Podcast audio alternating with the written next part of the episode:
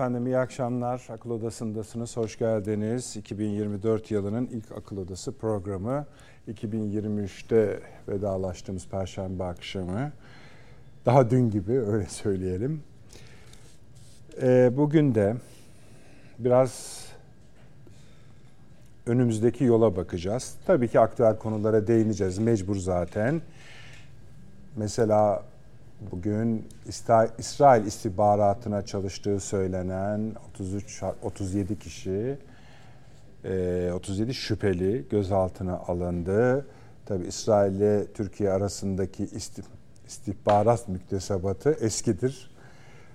Hatırlayacaksınız Gazze olayıyla birlikte özellikle son döneminde Türkiye'ye yönelik açıklamaları oluyordu İsrail'in. Burada suikast yapmak dahil. Ee, demek ki buradaki mücadele devam ediyor gibi. Bu olaylara bakacağız. Mesela Birleşik Arap Emirlikleri, Suudi Arabistan, İran, Mısır, Etiyopya resmen BRICS üyesiler ve böylece bizim sınırımıza kadar gelmiş oldu BRICS. Dayanmış oldu ama zaten siz bu konuları burada çok duydunuz. Herkesten önce duydunuz. Zaten onu anlatmaya çalışıyorduk. İran gemileri Karadeniz, e, Kızıldeniz'e girerken Amerikan uçak gemisi başta Ford olmak üzere onun yanındaki atak grubu onlar öyle saldırı grubu diyorlar ama aslında bildiğiniz bir filonun parçası. Onlar oradan ayrılmaya başlıyorlar. Yeni görevleri üst, ana üstleri olacakmış öyle söylüyorlar.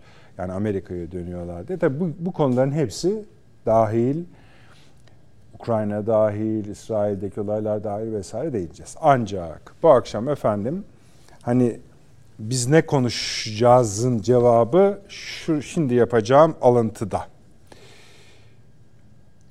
Şöyle diyelim izin verirseniz başlarını söyleyeyim önce. 12. Ee, ayın ortalarında Foreign Affairs dergisinde Faraz Zekeriya çok tanınmış biridir.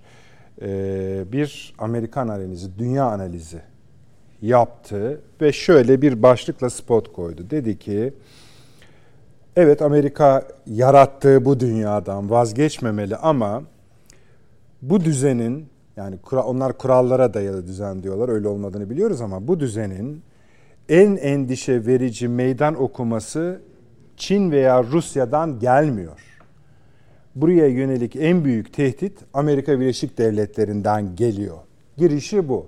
Bir de içinde Türkiye ile ilgili Türkiye münhasır bir hani ufak parça değil neredeyse açılış parçası var, bölümü var. Onu da paylaşmak isterim. Bugün Amerika Birleşik Devletleri gerçek rakiplerin olduğu ve çoğunlukla Washington'a meydan okuyarak çıkarlarını güçlü şekilde savunan birçok ülkenin bulunduğu bir dünya ile karşı karşıyadır. Evet verelim arkadaşlar o şeyde e, haberin e, görüntüsünü de. Yeni dinamiği anlamak için Burada yazıyor efendim şu anda önünüzde. Yeni dinle, e, dinamiği anlamak için Rusya'yı veya Çin'i değil, Türkiye'yi düşünün. 30 yıl önce Türkiye güvenli ve refahı açısından Washington'a bağımlı, itaatkar bir ABD müttefikiydi. Teşekkür ederiz Aksar. Kafi. Türkiye ne zaman periyodik ekonomik bir kriz yaşasa ABD onu kurtarmaya yardım etti. Bugün Türkiye güçlü, popüler bir lider olan Recep Tayyip Erdoğan'ın liderliğinde çok daha zengin ve siyasi açıdan daha olgun bir ülkedir.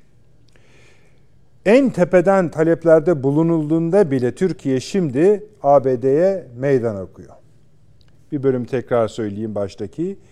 Dünyanın yeni dinamini anlamak için Rusya'yı veya Çin'i değil, Türkiye'yi düşünün diye öneriyor. Şimdi biz de bu akşam tabii ki bu bakış açısından değil ama bu da önemlidir. Biraz Türkiye'yi düşünmek istiyoruz. Yerküre'deki çünkü 2014'ün şöyle bir durumu var bana göre ama büyüklerimiz, hocalarımız nasıl değerlendirecek bilmiyoruz. 2014 e, yerkürede Türkiye'nin nerede ve nasıl duracağına ilişkin ilk yapraklardan birisi olacak. Bir de bu süreçte gelişecek olaylar var. Onları konuşacağız. Mesela ABD seçimleri gibi. Mesela Ukrayna Savaşı'nın sonlanması gibi. Mesela Gazze Savaşı'nın daha doğrusu İsrail'in yaptığı soykırımın sonucu vesaire gibi bir seri olay var. Bunların toplamından bir ilk yaprak çıkabilir. 2024'ün ilk programında da böyle yapmak isteriz. ilk sayfayı böyle kurmak isteriz. Sayın Avni Özgür ile birlikte hoş geldin Avni abi. İyi akşamlar. Profesör Doktor Süleyman Seyfi Öğün hocamla birlikte hoş geldiniz. Şeref verdiniz. Ve dahi Profesör Doktor Hasan Köne hocamla birlikte inşallah yapacağız. Hocam hoş geldiniz. Hoş Şeref verdiniz. Ayağınıza sağlık. Evet abi. İlk yıl buyurunuz. Evet. Öncelikle tabii herkese bütün hayal kırıklıklarımıza şuna buna rağmen hayırlı bir sene olarak geçer inşallah. 2024. Bunu diliyorum. Herkes gibi. Hani geçmişe bakarak bir hükme varmaya kalkarsak 2023 bizim için son derece sıkıntılı geçti. Yani daha gözümüzü açtığımızda deprem yani 50 bin vatandaşımızı kaybettik yani. Arkasından bir ekonomik kriz, arkasından PKK terörü, şu bu hepsi yani üst üste. Yani bizim bir tane deprem değil yani peş peşe bir dizi deprem falan. Burnumuzun dibinde efendim Covid vardı zaten. Ee, bu aşınızı oldunuz mu, olmadınız mı, maskenizi taktınız mı, takmadınız mı tartışmaları içerisinde. Yanı başımızda bir savaş patladı. Ukrayna Savaşı. Aa olur mu? Vay İstanbul süreciydi. Vay biz depre şeye müdahil olur muyuz, olamaz mıyız filan derken Amerika orada haşya dur dedi ya. Siz kim oluyorsunuz ya? Böyle savaşı durduracak filan. Ben varım burada. Ben, sordunuz mu bana savaşı istiyor muyum, istemiyor muyum? Da böyle barıştı, barıştı filan. Ya estağfurullah sormaya gerek yok herhalde. İstiyorsundur zannettik ne bilelim filan gibi demeye kalmadı. Adam adam hayır kardeşim dedi. Bu savaş devam etsin. Bugün de hala devam etsin diyor. Çünkü bu savaş, bu bu yangına elini uzatanların elleri yandı. Elleri yandı. İşte yani Polonya, Ukrayna'yı falan saymıyorum da yani zaten Polonya'ydı, bütün Avrupa devletleriydi, teker teker en başta Almanya olmak üzere. Tamam. Kim yakın durduysa yani hani kızgın tavaya elini tutmuşsun gibi bir durumu var bu Ukrayna Savaşı'nın ve Amerika bütün zorluklara rağmen verin diyor hala. Elinizdeki son kuruşu da verin, son mermiyi de verin. Sıkın daha doğrusu. Zelenski'nin bir cümlesi var. Adam diyor ki bol bol şey kullanıyoruz. E, mühimmat kullanıyoruz diyor. Bol bol. Ama yani gayet şey adam. Tıpkı Netanyahu'nun bol bol bomba kullandığı gibi. Amerika yani yetişemiyor. Bomba yetişti. Yani bomba üretmeye yetişemiyor adam. Avrupa Silah her tarafında. Hı hı. Geçen e, yılbaşı öncesi programda da söylemiştik. E, bu İsrail'de muazzam bir Amerikan gizli depoları, silah depoları. Evet evet bahsetmiştiniz. Evet, o, evet ve Orta Doğu'da bir savaş çıkarsa hani çok Amerika'ya zahmet olmasın hani hazır dursun bunlar diye. Yani İsrail'e destek olsun diye getirilmemiş. Orta Doğu'da bir savaş olursa Amerikan kuvvetlerine destek için getirilmiş. Orta Doğu'da Amerika ile savaşacak hangi güç var yani Suriye mi Amerika'ya savaş ilan edecek? Irak mı Amerika ile savaş? Yani Ürdün mü? Şurası mı? Burası mı? Neresi? Yani kim? Ya Amerika iki tane uçak gemisi gönderdi diye İran eli ayağı kesildi ya. Yani tamam iyi ho yani herkes kendi çapında güçlü kuvvetli. Amerika Amerika burada savaşma potansiyeli gördüğü tehdit olarak değil olmanın ötesinde potansiyel olarak gördüğü bir tek bana göre Türkiye var. Çepeçevre her tarafımızı Yunanistan'ı da dahil ederek işin içine silahla donattı adam. Askeri üslerle donattı. Hepimiz, her tarafımızı. Baktığımızda ve niyetini hiçbir zaman saklamadı bize karşı. Ben Türkiye'yi parçalayacağım dedi adam. Bunu şimdi demedi yani. Öteden beri söylüyor adam zaten. Bakma biz hani müttefik bu filan stratejik bilmem ne filan diye böyle böyle yumuşatarak veya böyle hani katiline şeye cellatına aşık şey gibi böyle etrafta dolanıyoruz ama yani adamın halbuki niyeti gayet açık belli yani. Ee, haritaları çizmiş. Bunu defa çizmiyor. Yani NATO toplantılarında bile Türkiye'nin nasıl parçalanacağına ilişkin haritalar dağıtılıyordu yani. Ya olur mu bu ayıp ediyorsunuz falan diye biz karşı çıktık biliyorsunuz bunlar bu haritalar falan sızdı falan ama ayıp ediyorsunuz falan dedik ama adamlar değiştirmediler yani tavırlarını böyle götürüyorlar. Daha geçen işte biz bize karşı PKK'nın falan şeyini ıı, arkasına destek verişlerinin sebebi kardeşim bunlar bizim e, DAEŞ'la mücadelemizde ortağımız dediler bize. Değil mi? Esas evet, şeyi evet, bu. Evet. Hı hı. Oysa Irak'ın eski başbakanı Nuri Maliki geçen hafta anlatıyor adam. Diyor ki DAEŞ'ı 2012'de Ambar vilayetinin başkenti yani merkezi Ramalli'de vali vilayet valilik binasında kurduk diyor. Bir daha anlat abi orayı. Bak e, Amerika Birleşik Devletleri'nin isteği üzerine diyor Ambar vilayetinin İran Amber Ambar yani Bağdat, Bağdat'ın 100 kilometre batısında. Tamam mı? Vilayet. Onun baş şehri Arman e, Amardi'de de valilik binasında kurdular diyor. Kurdular derken? İşte Amerika. Kalılar. Başka var Amerika. mı kimse? Hayır bir de biz varız diyor. Ha tamam.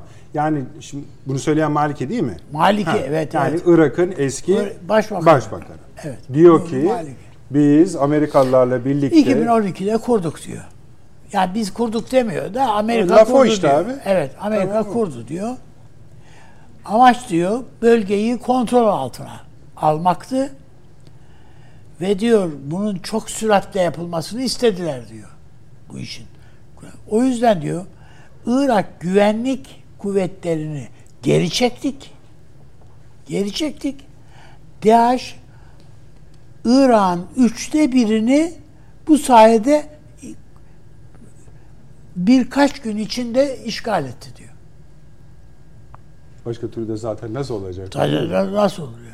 Biz geri çektik İran güvenlik birimlerini falan, falan böyle oluyor. Ve e,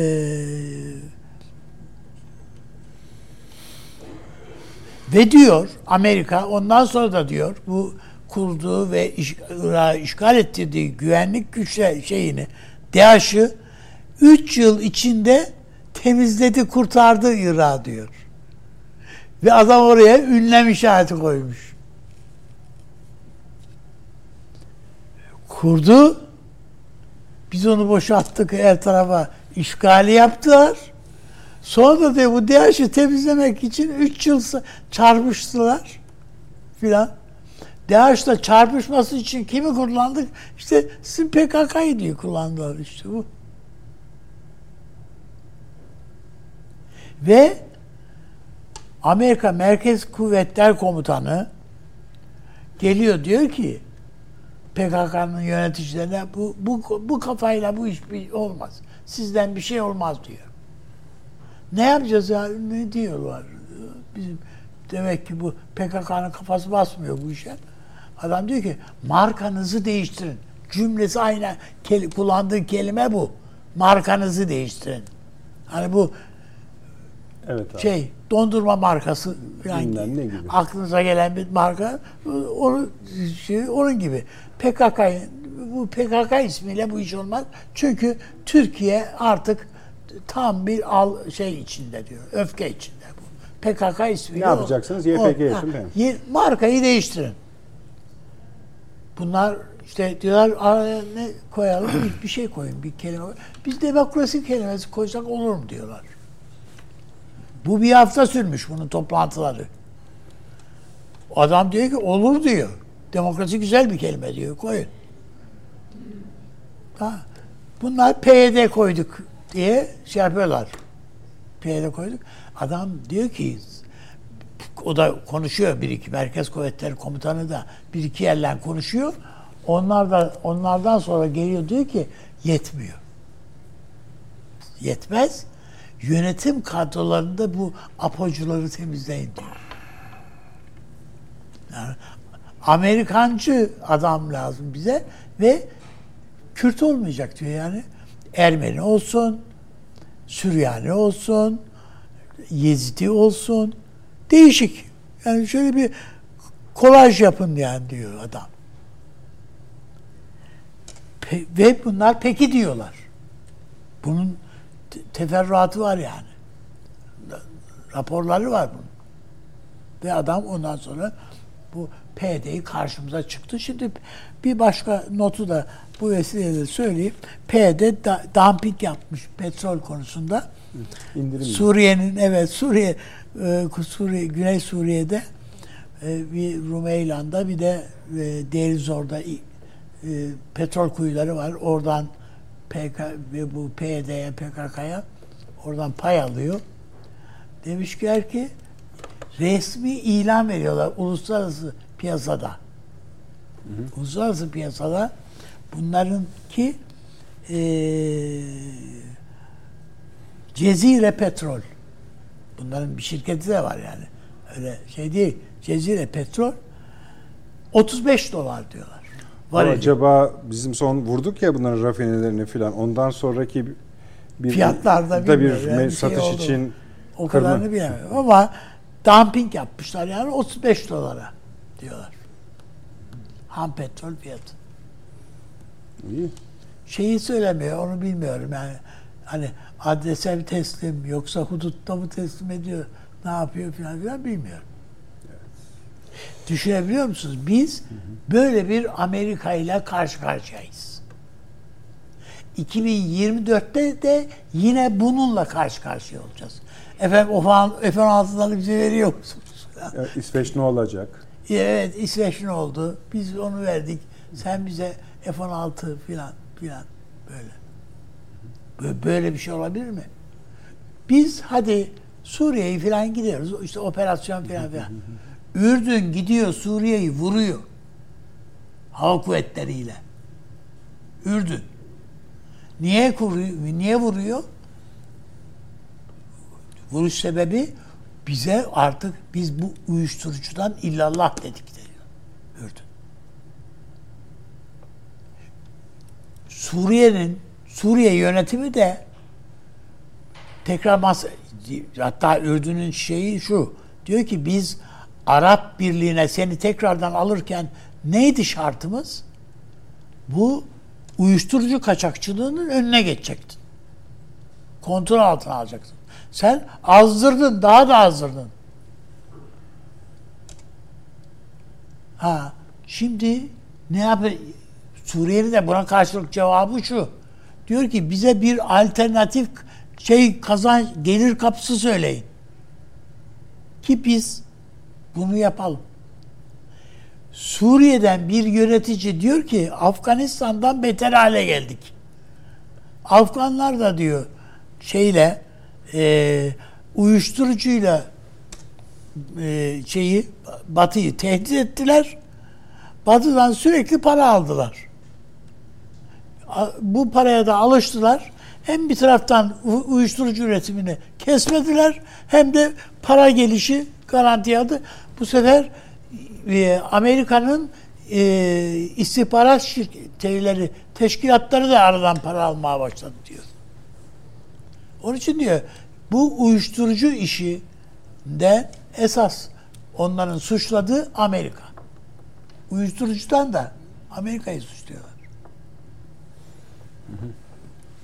Dolayısıyla yani önümüzdeki yıl bunlarla biraz daha teferruat var anlatırız. Ben yine anladım şu sen 2024'te önümüzdeki sorun hala ABD diyorsun. Ben onu Kesinlikle. Anladım. Kesinlikle. Yani, Şunu da diyebilirsin tabii. O zaman ona benden ne cevap ver. Başka ne sorun var ki diyebilirsin. Ha, tabii. E, e, başımızdaki en büyük felaket. Peki şu merhem olmaz mı? Mesela e, şey gitse seçim olacak ya. Aynen. Basit bir şey. Güney Amerika, Güney Afrika Hı. nasıl bir yer yani? Güney Afrika işte say, ırkçılığı falan falan tabii, kaldırmış. Tabii. Kendini ayakta tutmaya çalışan bir ülke. Hı hı. Dünyada da işte mesela e, nadir hayvanlar, şunlar bunlar değil mi? Yani bu hı. hocam bir Teksaslı bir Amerikan milyarder bir çiftlik kurmuş. 20 tane adamın kurduğu çiftlikte 20 tane gergedanın leşini buldular. Yani hayvan öldürmüş. Onların boynuzları batıda para ediyor biliyorsunuz. Kaç tanesini şimdiye kadar öldürdüğü meçhul. Ve izinsiz mi, izinli mi diye bu şimdi Güney Afrika'da soruşturma var. Yani dünyadan yani bu hayvanların öldürülmesi bırak öyle boynuz boynuz yani öldürülmesi ya hepsi yasak. Sadece boynuzlar için öldü. 20 tanesini. Şimdiye kadar kaç tanesini öldürdü etti bilmiyoruz. Bu yani nadir bir hayvanı bile bu Amerika'ya emanet ettiğiniz anda Hı. adam acaba bunu öldürürüz acaba kaça satarız diye. Seri katiller. Bu evet. İsrail Uluslararası Ceza Mahkemesi'ne uluslararası divana evet. şikayet eden Güney Afrika değil mi? Evet. Tek ülke hala. Evet, tabii öyle. Şimdi Düşün, üzerine böyle geçmişi şimdi olan işte, tabii böyle bir düşünün yani İsrail'i ya orada tabii korkmadan. hayvan hakları diyelim ama işte gergedan yani gariban bir hayvan gergedan biliyorsunuz et etobur bir hayvan değil yani ot evet. otobur bir hayvan. Niye sadece o veriyor abi? Böyle. Tamam mı abi? Yani bu Amerika'ya dünyanın hiçbir köşesi emanet edilemez. Nereye girerse orayı bir çakal diye bir hayvan var. Evet. Çakalın bir özelliği var. Yani çakal adam öldürüyor. Yani hayvanı öldürüyor, avını. Yemiyor. Toprağa gömüyor, çürütüyor, mundar ediyor yani. Ondan sonra aradan 10 gün geçtikten sonra geliyor onu çıkartıp öyle yiyor. Bu Amerika yani yesek kurtulur, öldürse kurtulursun. Hayır adam seni mundar ediyor, çürütüyor ve öyle. Peki abi. Üstüne geliyor. Teşekkür ederiz. Süleyman Hocam buyurunuz. Şeyden de başlayabilirsiniz. Benim açılışta yaptığım alıntıdan yani da başlayabilirsiniz. Amerika'nın maceraları. Başka macera yokmuş gibi oluyor ama var. Macera. Yani aslında çok, çok macera var. İşte mesela şeyden de başlayabilirsiniz. Sizin favori konunuz esasında BRICS meselesi. Evet, evet. Karadenizlerden de başlayabilirsiniz. Yaptığımız alıntı, bakın ilginç bir alıntı Faraz Zekeriya'nın bütün yazısı da aslında evet, ilginç. Evet. Tamam. Yani, yani bu sorularınıza tabii, tabii. belki daha toplu tabii, tabii, zaten evet onu arıyoruz şu anda. Teşkil edecek bir çerçeve çizmeye çalışacağım. Lütfedersiniz. İşte, estağfurullah. Şimdi e, Karl Marx'ın manifestosunda biliyorsunuz çarpıcı bir cümle vardır. İşçi sınıfına çağrı yapar. Der ki bütün dünyanın ezilen işçileri birleşin. Zincirlerinizden başka kaybedecek bir şeyiniz yok. Oysa kazanacağınız bir dünya vardır. Şimdi bu çağrıyı yaptığı dönemde hakikaten Avrupa'daki o gelişmiş, yüksek standartlara kavuşmuş sanayi tırnak içinde medeniyetinin proleterleştirdiği büyük kalabalıklar gerçekten insan kavramıyla birlikte düşünemeyeceğimiz hatta hayvanlara bile reva göremeyeceğimiz şartlarda yaşıyorlardı. Şimdi bu çağrının elbette tınlama kapasitesi var. Yani zincirlerinden kaybedecek hiçbir şey yok adamların. Ne, ne kaybettirebilirsiniz ki? Tamam. Sonra ne oldu? Sonra şu oldu. Yeniden bölüşümü denediler. ikinci umumi harpten sonra. İşte işçi sınıfları transfer harcamalarıyla, devletin sağladığı bir takım güvencelerle, e, demokratik örgütlenmeleri üzerinden sistemden pay almaya başladılar. Yani kaybedecek bir şeyleri oldu. Hı hı. Ve kaybedecek bir şeyleri olduğu için Marx'ın çağrısı gümbürtüye gitti. Yani çöp oldu. Şimdi buraya kadar tamam. Şimdi benim aklıma başka bir soru geliyor. Yani bu soruyla beraber yani kaybedecek bir şeyi olmayanların neler yapabileceği, gözünü nasıl karartabileceği değil mi mesela yani? Peki kaybedecek bir şeyi olanlar bir dönem yatışsalar bile bir noktadan sonra kaybedecek şeylerini kaybetmeye başladıktan sonra ne yaparlar? Bir de böyle bir soru var. Şimdi toplumsal düzeyde baktığım zaman bugün Avrupa haritası orta sınıfların bir darlığa girdiğini gösteriyor. Üretim kaybı var, işsizleşme var vesaire. Yani sarı gömlekliler, bilmem işte ayağa kalkan kitleler, e, ATM'leri devirip e, baltayla yıkmaya çalışıp vitrinleri indirenler kim bunlar? Bunlar kaybedecek bir şeyi olanlardı ve kaybetmeye başladılar. Yani netice aslında sıfır toplamda. Yeter ki bir hayatiyet çizgisini zorlamış olsun. Orada kaybedecek bir şeyi olanlarla olmayanlar arasındaki fark da siliniyor. Şimdi bunu niye yaptım? Bu girizgahı niye yaptım? Amerika'nın hali pür melalini anlatmak için yaptım. Amerika Birleşik Devletleri dünya hegemonyasını kaybediyor gibi bir saptama var. Bir bir cümle var. Çok tedavülde. Yani bunu Amerikalılar da yerler itiraf ediyorlar belli çevreler. Yani ya bir dünya düzeni kurduk. Ne kadar düzense artık iyi kötü. Ve bütün dünyanın artığını bütün dünyanın zenginliklerini hortumladık on yıllarca. Bunu neyle yaptılar? Bunu iki şeyle yaptılar. Dolar ve silah. Evet. Tamam. Gelişmeler neyi gösteriyor? BRICS'e işaret ettiniz siz. BRICS'in kuruluş amacı ne? Yani baktığınız zaman gevşek bir yapı, belki zaman içerisinde dokusunu kuvvetlendirecek evet, bilemiyoruz. Onlar da öyle söylüyorlar. Evet ama Hı. hedef belli. Yani doların hakimiyetini dünyadan tasfiye etmek. En azından rezerv para çeşitliliği oluşturmak, bir de yani finansal disiplin sağlamak. Böyle bas bas matbaalarda bir süre sonra matbaa da yetişmiyor ve artık böyle dijital uçuk sıfırlar falan böyle böyle bir mali sistem şey olur? Mi? Şimdi aklı başında ekonomistlerin anlattıklarından yola çıkacak olursam hepsi şunu söylüyorlar. 1913 Amerikan Merkez Bankası'nın kurulması 1913'ten 2008'e kadar bastıkları ve elbette önemli bir kısmının da karşılığı olmayan dolarların dört katını 2008 krizinde bastılar. Yetmedi 2009-19 krizinde pandemi arkasında bu bastıkları paranın 6-7 katını bir ayda iki ayda bastılar.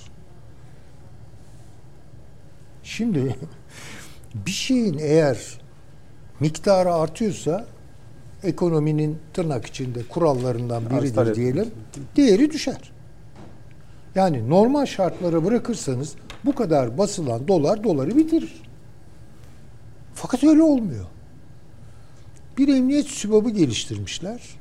Bir, orada da silah gücünü insanlığın alnına dayayarak ya bu dolar rejimine girersin ya da başına iş gelir. Swap. Ha ve enerji başta olmak üzere bütün kritik ticari Metal, emtia emtia. mübadelesini, dolaşımını, ticaretini dolara bağlamışlar. İyi ama bu ne kadar sürdürülebilir? Yani Sürdürülemeyeceği- altın da, öyle- altını da baskılıyorlar mesela. Zaten temel prensip altını baskılamak. Yani bugün bizim konuştuğumuz altın şu kadar mı oluyor, yükseliyor mu, düşüyor. Altının gerçek fiyatıyla bilgisi yok onun. Yani altının reel, dolar olmasa, dolar baskısı ve altın mevduatı denilen kağıt işlemler olmasa herhalde şu an altının değeri 8-10 kat daha fazladır. Yani. Ama bunu baskılıyorlar ama nereye kadar? Yani Çin bir ekonomik güç olarak doğunca yani e, reel ekonomi tekellerini kendine çektiği nispette ya bu açığı neyle kapatacaklar? Daha fazla dolar basarak bir de şunu yaptılar. High tech standartları tekellerine aldılar. Ama onu da kaybediyorlar.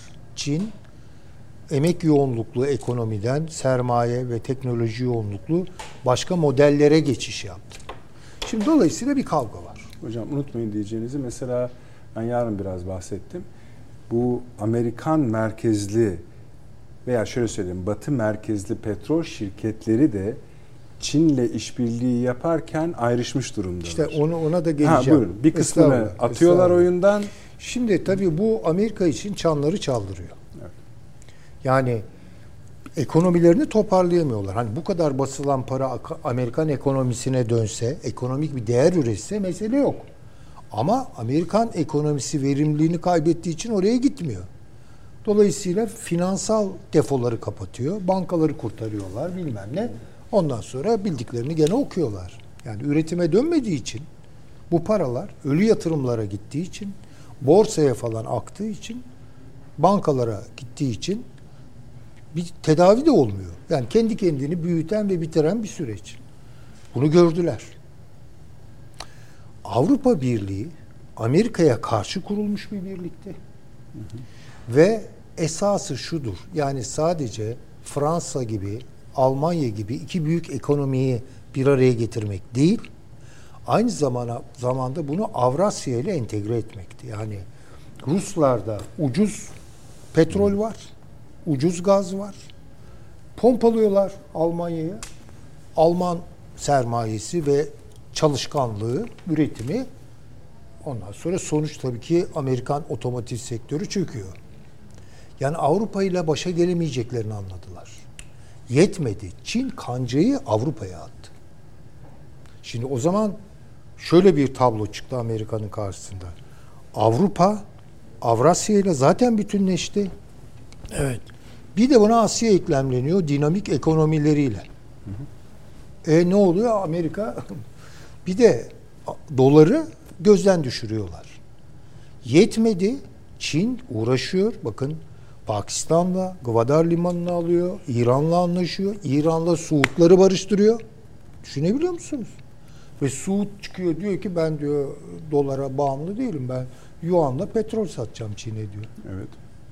Şimdi ne yapacaklar o halde? Rusya Demek ki şöyle yapıyor biliyorsunuz. beş başlık söyleyeyim size. Bir, doları ayakta tutmak için ne yapabiliriz? İki, başta çip olmak üzere high-tech tekellerini nasıl geriye alabileceğiz kaybettiğimizi? Tayvan meselesi de bu yüzden çıkarıldı. Üç, e, şeyi e, Asya'yı nasıl çökerteceğiz? E, enerji ve ticaret yollarını nasıl sabote edeceğiz? Bakın başka bir şey söylemiyorum. Nasıl sabote edeceğiz? Plan böyle işliyor. Birinci ayağı Avrupa'yı bitirmek. Ne yaparsınız? Hocam Asya'yla dört mü saydınız? e, pardon bir daha söyleyeyim. Bir, doları Dolar. ayakta tutacağız. Çip İki, high-tech. high-tech tekellerini Asya. tekrar çekeceğiz. Üç, e, Asya meselesini bir dakika ben yanlış Tayvan söylemeyeyim. dediniz. Pardon. Avro bölgesini bitirmek. Özür dilerim yanlış söyledim. Avro bölgesini bitirmek. Avrozonu bitirmek. Dört, enerji ve ticaret yollarının kontrolünü sağlamak falan değil. Çünkü o yollar zaten çıkmış bunların ellerinden. Mümkün olduğu kadar oraları sabote etmek. işlemez hale getirmek. Petrol meselesi yüzünden de Orta Doğu'yu kaosa atmak. Şimdi bakın Rusya-Ukrayna savaşı niye çıktı? Bu yüzden çıktı. Sonuçta kuzey akımı kestiler. Bunda başarılı oldular. Şimdi sıra Orta Doğu'da. Ve bu Türkiye'ye isabet edecek sonuçlar, ihtimaller taşıyor. Şimdi dolayısıyla e, iş artık bir hayatiyet meselesine geldi. Amerika'nın kaybedecek çok şeyi var. Kendisini kaybedebilir, hegemonyasını kaybedebilir. Bunu kime yaptıracaklardı? En gözü dönmüş kadrolara. Kissinger böyle bir topa girmez. Brzezinski bile girmez. Kısmen girerse girer. Keenan falan gibi adamlar yani girmezler bu işe yani. Dolayısıyla yeni bir siyasi elit Avrupa'da da bunların muadillerini buldular ve bu çılgın projeleri hayata proje diyemeyeceğim. Yani şu tekrar pazu gücüyle elinde kalan o silah ki o da artık nereye kadar onu idare edecek onu bilmiyorum. Rusya'nın misille şeylerini, füzelerini düşündüğüm zaman yani o hesap da çarşıdan döner. Çin donanması son zamanlarda muazzam atılım yapıyor Hı. falan. Yani iş yani bu işi kaybedecekler de Hı. yani acaba son bir ümit dünyayı yakarak yeniden gücümüzü ispat edebilir miyiz? Evet. Yeniden herkesi hizaya getirebilir miyiz? Adamların davası bu. Şimdi dolayısıyla yani Orta Doğu'da İran-Çin anlaşması imzalandığı gün Suudi Arabistan'la Körfez, Birleşik Arap Emirlikleri ve İran yumuşamaya başladığı andan itibaren e, şeyin e, yani Selman'ın Muhammed yıl... bin Selman'ın çıkıp hı hı. ben Çin'de bu, e, evet, evet. kendi yuan üzerinden ticaret yapacağım dediği andan itibaren çöktü. Şimdi nasıl bir Orta Doğu istiyorlar? Son olarak onu söyleyeyim Rica ederim buyurun. Gelişmeler estağfurullah. Daha konuşacağız öyle. Bir, Arap dünyasını İsrail'e yamamak istiyorlar. Çirkin bir tabir kullanıyorum ama iyi anlaşılsın diye. Yamamak istiyorlar. Bunda Trump üstüne düşeni yaptı. Bunlar yeni gelen demokrat ekipler bunu biraz daha İsrail'i tornadan geçirerek yapmak istediler. İsrail de buna isyan etti. İsrail'den türeyen aşırılık da odur. Bunu istiyorlar. İran'ın nüfuzunu Irak'ta ve Suriye'de tasfiye etmek istiyorlar. Ve her hal ve şartta Necip milletimiz bunu asla unutmasın. Orada Kürdistan'ı kuracaklar. Ya bu, bundan evet. zerre bu, miskal sapma yok. Kuracaklardan kasıt yani, efendim. Yani tabii şey, akıllarındakini söylüyor. Tabii tabii. Başaracaklar ayrı konu. Hayır, hayır, Ama şey, bunun yani işte bu ikaz olarak hep kalacak ha, aklımızda. Ya onun için Türkiye Amerika ilişkilerini tartışırken mevzi, güncel, yani kısmi böyle işte aldım verdim oyunları falan yani onlar öyle yaparsa biz de böyle yapıp da işte tekrar falan Amerikan jeopolitiği Türkiye'yi tamamen e, dışarıya atmış durumda. Bu, bu jeopolitikte... Hocam bir şey sorayım Türkiye, size? Buyurun. Bu son bir maç krizi ya yaşadık biliyorsunuz. Tabii. Onu da söyleyeyim. Bu Suudi Arabistan'la Türkiye'nin arasında bir problem haline bunu getirmeknin işte kime ne faydası var? Abi bu soruyu ben Süleyman Hoca daha ilk cümleyi kurduğunda sizden beklemiştim. Ne dedi? E tamam ilk da, cümlesi şuydu. Ama Süleyman İki Hocam tane o kadar... ülkenin ne yapacağını bilemiyorlar. Evet. Biri Türkiye, evet. biri Suudi evet. Arabistan. Evet. Süleyman Hocam buyurunuz. Yani, yani aslında şunu söyleyeyim. Su... Önemli bir soru bu. Evet, yani bu, bu anlattığınız göre öyküde nereye düşüyor bu dengeleri maç? de Evet, şu. Çok belirleyici, Bu maç nereye şey. düşüyor yani? E, şuraya bu şuraya düşüyor bence. Yani Suudi Arabistan la Türkiye Cumhuriyeti'nin aynı kulvarda yol almasına hiç gerek yok. Ha, ticari ilişki kurar, İsrail'le de kuruyoruz. Bilmem ne bilemem onları ben. Ekonomik e, aldım verdim oyunları. İşte petrol al, dolar bul, bilmem ne gibi şeyler. Fakat yani Suudi Arabistan'la Türkiye Cumhuriyeti Devleti'nin mesela Katar Türkiye ilişkisi gibi bir ilişkiye evrilmesine imkan ihtimal yok zaten. Bunu bir kere cepte bilin. Ama geçinmek zorundayız. Yani düşmanlık da son derece kötü. Bu ne Türkiye'nin işine yarar ne Suudi Arabistan'ın işine yarar. Yani dolayısıyla mesafeli, ılımlı ama çok da sıcak olmayan. Çünkü Suudların da ne yapacağı belli olmaz tabii ki. Ama kral mesela şöyle dedi. Beni kimse dedi Erdoğan'la dedi ilişkimizi bozadıramaz dedi. İşte Bozamaz bakın dedi. ya çünkü o, o şunu gördü. Kimler istiyor mesela bunu? Şöyle bir şey var. Yani bu iki her an çok kritik öneme sahip şu an Amerika için. Türkiye'nin ne yapacağı? Ben işte Suudi kışkırtıyorum hocamı. Arabistan'ın ne yapacağı? Tamam. Bu bir futbol oyunu. Bilemem. İşte orada şu oldu, bu oldu. Oralara ben hiç girmiyorum. Onu konuşuyoruz. Bunu iç TVNet siyasete, programlarında bizim bölümümüz önemli yani Ha, orada. iç siyasette isteyen istediği gibi tartışsın da ben neticeye bakarım. Biraz da bölgeye bakarım. Yani yeniden bir husumet. Dost olmamız gerekmiyor ama hasım olmamız da gerekmiyor. Lütfen öyle anlayın yani. Tamam da işte Ha ama husumete çekmek Ha. ama öyle olursa zaten bu bu kimin işine yarar? kimin işine yarar? E yani tabii ki. Kimin işine yarar? E, kimin Ne işine yapar? Yani- Şüphesiz. yani, Yani bu husumet Allah Allah, olduğu sürece tabii. Yani Peki. bu husumet olduğu sürece bu geril yani kavga, gerilim ki bunu da Suudlar yeni anladı. Türkiye'nin önemini bence yeni anladılar. Ama tabii kendi bir takım kuruluş prensipleri var, bir dünya görüşleri var oraya. Yani iki e, devletin de çok hassas olduğu belli şeyler var. Kendilerine göre. Şimdi bizim hassasiyetlerimiz belli. İşte kurucu öndere saygısızlık, cumhuriyete saygısızlık bir Türk kaldıramaz yani. Onların da belli hassasiyetleri var ama. Şimdi önemli olan bu hassasiyetler karşı karşıya getirildi mi getirilmedi mi? Evet. Getirildi. Ha, bu nasıl bir senaryo oturt, oturtuldu onu ben bilmiyorum ama Mesela sonuç hiç Avni iyi Bey değil galiba yani. şu kazıtla da soruyor. Şimdi ben çünkü sizi birden anladım. Şöyle bir hava estidi. Yeniden böyle malum çevreler hep bildiğimiz gibi Arapları aşağılamalar. İşte her zaman İşte aynı din- laflar biliyorsunuz. din aşağılamaları. Arap, yani bu Orta Doğu'nun Ha, Orta Doğu bataklığına bataklığı bizi bulaştırmayın falan. filan. Yani, yani Suudların ilkelliği bakın şimdi nerelere gidiyor yani. E şimdi şöyle düşünelim yani biz ne kadar bizi hassasiyete gark edecek, itecek, sokacak şeylere karşı hemen refleks pozisyon alıyoruz. Herkes alır. Bir biz değiliz ki bu dünyada böyle hassasiyet gösteren. İran'ın da var hassasiyetleri. canım, öyle. Bunların da var, Suudların da var hassasiyetleri. E şimdi niye bunlar karşı karşıya geldi, getirildi? Ben bunun çok tesadüfi olduğu kanaatinde değilim.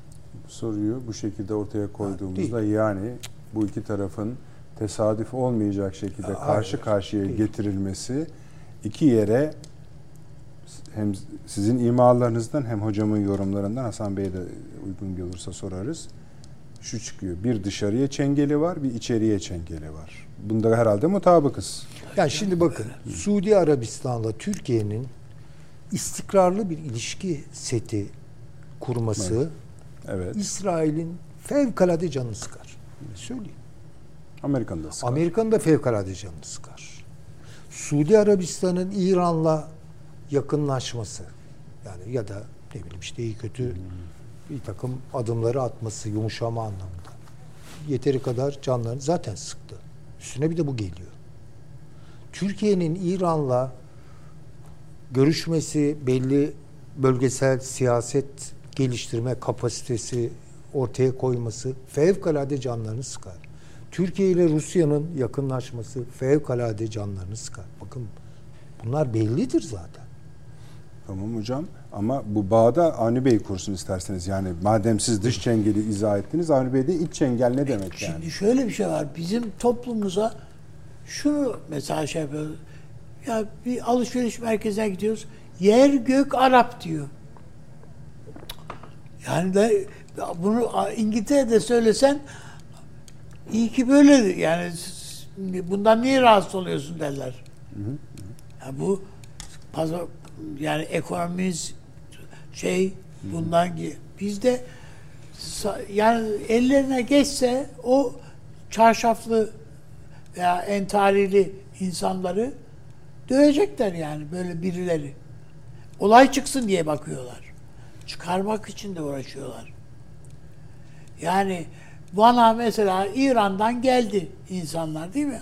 bilmem kaç bin turist olarak işte yılbaşını geçirelim diye Van'dan gelmiş turistler filan. Ya bu insanların da hepsinin işte belli hassasiyetleri var filan. Yani o evet Türkiye'de daha serbest bir ortam var diye geliyorlar ama sen orada Hümeyni'ye filan laf etme, kalkma e, havasına girersen orada iş şeyin rengi değişir. Adam onayla onaylasın onaylamasın. İran'ın üstüne dayandığı değerler var. Yani her ülkenin var zaten öyle. Dolayısıyla yani ben eee basit bir şey daha bir örnek daha vereyim. Yani hocamı da teyiden eee, Hasan Hoca da şey yapacaktır herhalde.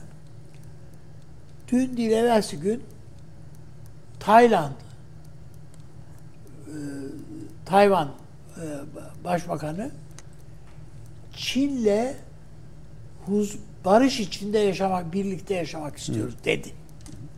Var internette Evet. demeci.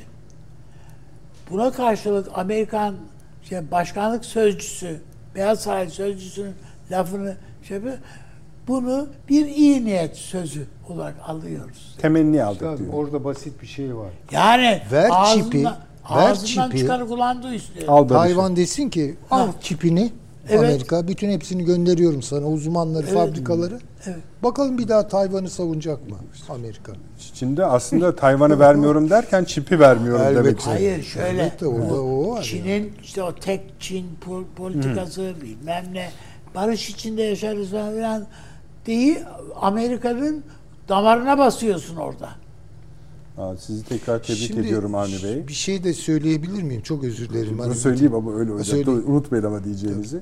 Yani bir anda Türkiye, e, Suudi Arabistan'daki maç krizini Tayvan'a kadar avuta Ama- gönderdiniz. ama doğru olay söylüyor. bu. Tabii canım. Öyle öyle tamam. Ama ben siz söyleyin sözünüzü. Şunu eklemeliyim. Tabii tabii buyurun buyurun. Şimdi ben Zamanımız var. Türkiye Cumhuriyeti benim için önceliklidir. Elbette. Türkiye önceliği hepimizin Elbette. olduğu gibi. Ya bu Türkiye'nin çıkarlarına hizmet etmeyecek her türlü lüzumsuz dostluk veya lüzumsuz husumet benim için kritik alanıma girer yani eleştiririm. Başka türlü anlaşılmaz. Suudi Arabistan Türkiye ilişkileri, Türkiye Körfez ilişkileri iyi yönetilmeyen ilişkilerdir. Bakın. Bunda belki Türkiye Türk diplomasisinin hariciyesinin bir payı vardır. İşte o ön yargılar, Araplar, Orta Doğu bataklığı bunlar ilkeldir falan gibi böyle bir takım hariciyecilerimizin zihninin arkasında bu vardır. Bu bir kör nokta. Bir kere onu kaldırmak lazım. Eş derecede körfez diplomasisi ve körfez siyasetleri kendini yeniden ayarlamak zorunda. Yani biz bu ilişkileri Körfez-Türkiye ilişkisini Arap özellikle Hicaz Araplarıyla çünkü yani baktığınız zaman Mısır'ı tanıyoruz iyi kötü. Cezayir'i tanıyoruz iyi kötü de bunlarla bir şeyimiz yok. Hani bir böyle hani nasıl söyleyeyim çok tecrübi bir birikimimiz de yok. İran'ı tanıyoruz, Rusya'yı tanıyoruz da bunlarla geliştirilecek ilişkilerin mutlaka çok ince işlenmesi lazım ve iki taraflı işletilmesi lazım. Bir gün kavga edip ertesi gün sarmaş dolaş olunmaz. Bakın bu bunlar inandırıcılığını kaybettiriyor. Bunda haklısınız. Yani- Ama ben yine sizin çıkış noktanızdan du- durmak istiyorum şu sebepten dolayı. Bizim bu ülkelerle veya münhasıran e, Suudi Arabistan'la ilişkimizi yönelik kritikler ya da kabuller tamam. Baş üstüne. Fakat şöyle bir şey var. Siz ne dediniz? Türkiye ile Suudi Arabistan'a yakınlaşmasını istemezler. Hiç Kim istemezler. istemez diye Çok açık sorduk. o, çok Siz dediniz ki bir numara İsrail, iki numara Amerika Birleşik tabii ki, Devletleri. çok açık. Sonra bunun tahlilini yaptık. Avni Bey'e de tam şunu soruyordum. İşte onun için Tayvan'a atması attığını söylüyorum. E, şimdi dedim ya Süleyman Hoca dışarıyı izah etti. Ben size tasvip, ben de soruyorum içerideki kanca nedir diye. Ama kaçtınız. Ben şöyle yapayım onu. Mesela Mart'ta seçimler var. Bunun bir onunla ilgisi Var tabii canım, Ha, olmaz onu- olur. tamam buyurunuz Ya öyle kardeşim, zaten. Bak bunlar işi- konuşulmuyor. işi- işi işte. Atatürk bahs- şeyinde çe- bahsinde görürsen Atatürk'ün yurt dışından kabul ettiği en önemli devlet adamı Suudi Arabistan kralı. Evet, evet. Öyle değil mi? Yani Bu şey değil yani bunlar bunlar hiç yakın tarihi de yani savunduğumuz değerleri de e, de zarar verecek şeyler peşinde hayaller kuruyorlar. O tek parti döneminin şeyleridir bunlar. Ee, bu İsmet Paşa döneminin filan e, bir takım tu, şeyleridir. O NATO'ya giriş sürecimiz bilmem neyimiz hepsi bunların içinde var. Peki. Evet. Hasan Hocam beklettik ama bekletme sebebimizi siz bizden daha iyi biliyorsunuz. Çünkü sizin şimdi daha ağır bir yükün altına sokacağım. Ee, buraya kadarki konular zaten hani dahil konuşmanızın içine. Onları bekliyoruz. Fakat e, nasıl hani demin Suudi Arabistan'da yaşanan maç konusu gelişine konuşuldu. Tabii izleyicilerimiz biliyor onun gelişine konuşulmadığını. O ayarlı bir şey. Ee, ince yani fine tuning dedikleri gibi. Şimdi şunu da bize bir anlatın. Bu bugün 37 şüpheli yani şüpheli dediği casusluk şüphelisi değil mi abi? Evet. İstihbarat evet. yani e, İsrail'e çalıştığı düşünülen 37 şüpheli gözaltına alındı ve bu durup dururken olmadı. Daha önce de bu tür vakaları Türkiye'de yaşandı. Tam da işte İsrail ile Türkiye'nin birbirini en sevmediği dönemden geçiyoruz. Dahası istihbarat servislerinin neredeyse alenen, Metin değil ama Mossad'ın alenen meydan okuyuşu var. Tabii Metin de buna karşılık verdiğini sahada görüyoruz. Konuşmanızın bir bölümü de bu olsun hocam. Bize bir anlatırsanız ister başta sonra diğer konuları konuştuktan sonra ne arzu Tabii ederseniz. Şimdi bu konuyu da gireyim çünkü elinde hay hay hay. hay. E, BESA e, araştırma grubunun bu Tel Aviv Üniversitesi'ne bağlı, bağlı bir yazısı var. Diyor ki Türkiye anti-İsrail anti-batıcı pozisyonu değiştirmeyecek. Ne zamana kadar? Bunun için bir fiyat ödeyene kadar. Yani biz bunu durdurum ben öyle anlıyorum. Bir şekilde bedel ödetmezsek buna evet. devam edecek Türkiye. Bu evet diyor. Bu, bugünkü Hı. çıkan resmi yazıdan İngilizcesini de isterseniz okurum. Estağfurullah hocam buyurun. Turkey will not alter its anti-Israel, anti-Western position until it pays a price for it. Okay. Tamam. Bu açıkça ortaya konmuş. Bedel demiş hatta siz biraz yumuşatmışsınız yani. Price o yani. Evet yani evet. bu şeyi ortaya koymuş. Bu oranın en büyük analiz yapan gruplarından biri. Hı hı. Şimdi peşinden de diyor ki biz diyor İsrail istihbarat gruplarını diyor düzeltmeliyiz. Çünkü diyor devamlı diyor yanlışlar yaptık diyor. Mesela 1973'te diyor e, Irak-Mısır saldırısını görmedik. Bizim kırmızı hattımıza kadar ilerlediler ve Başkan Golda Meir diyor istifa etmek zorunda kaldı. Şimdi diyor aynı hatayı Netanyahu zamanında yapıldı. Halbuki biz diyor Amerika ve İngiliz istihbaratını... O dönemde de görmemişler hocam saldırıyı yalnız. Hani o belgesellerini okudum ve baktım yani ben. Okudum da orada hani sat, e, atak olduğunda or, orada da çuvallamışlar hani. Çuvallamışlar yani. ama böyle böyle bir şeyleri var yani. Bizim kitapçılarda İsrail istihbaratının tarihi diye 600 sayfalık kitaplar var. Ama o genelde terör tarihi hocam. İşte onu keşfettik. Evet, onu keşfettik. biraz kabaca olduğunu söyleyebiliriz. Evet, ve bunların yaptıkları şey suikastlar işte, bilmem suikast şeyleri vuruyorlar liderleri. Evet. Yakalayıp yakalayıp işte Hamas lideri Yasin Bey'i havadan saldırıyla Meşali vur, öldürmeye çalışmışlar. Sonra Ürdün araya girince ondan vazgeçmişler. Daha evvel bir takım suikastlar falan. Onlar da ufak ufak belirli insanlar zaten belirli yerlerde yaşıyorlar. Onlar da başarılı olmuşlar. Şimdi size bir de bu derin tarih kitabından dergimiz hocam bizim. Sizin derginiz evet. Burada yazan çocukların kitabından okuyacağım. Siz o din tarih çocuklarını çok seviyorsunuz. Beğeniyorsunuz onların çalışmalarını. Ee, çok iyi çalışıyorlar. Her yazdıkları Hı-hı. eser öyle. Hı-hı. Şimdi bir İsrail devleti kuruluyor.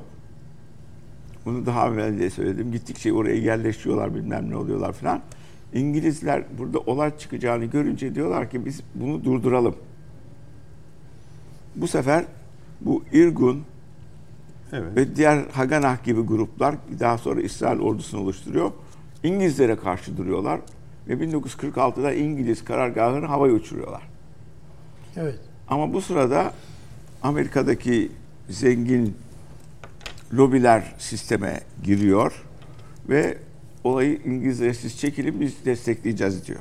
Şimdi burada bakın 12 Nisan 1945'te New York merkezli Yeni Siyonist Teşkilatı Başkanı Albay Morris Mendelssohn Cumhurbaşkanı İnönü'ye gönderdiği telgrafla özetle Filistin tarihi hudutları dahilinde Yahudilerin milli yurdu ve bağımsız olarak tekrar bir Yahudi devletinin kurulması bu konuda Yahudi milletine beynelmilel teminat verilmesi hususunda Birleşmiş Milletler'e çağırdıkları Türk heyetine talimat verin diyor.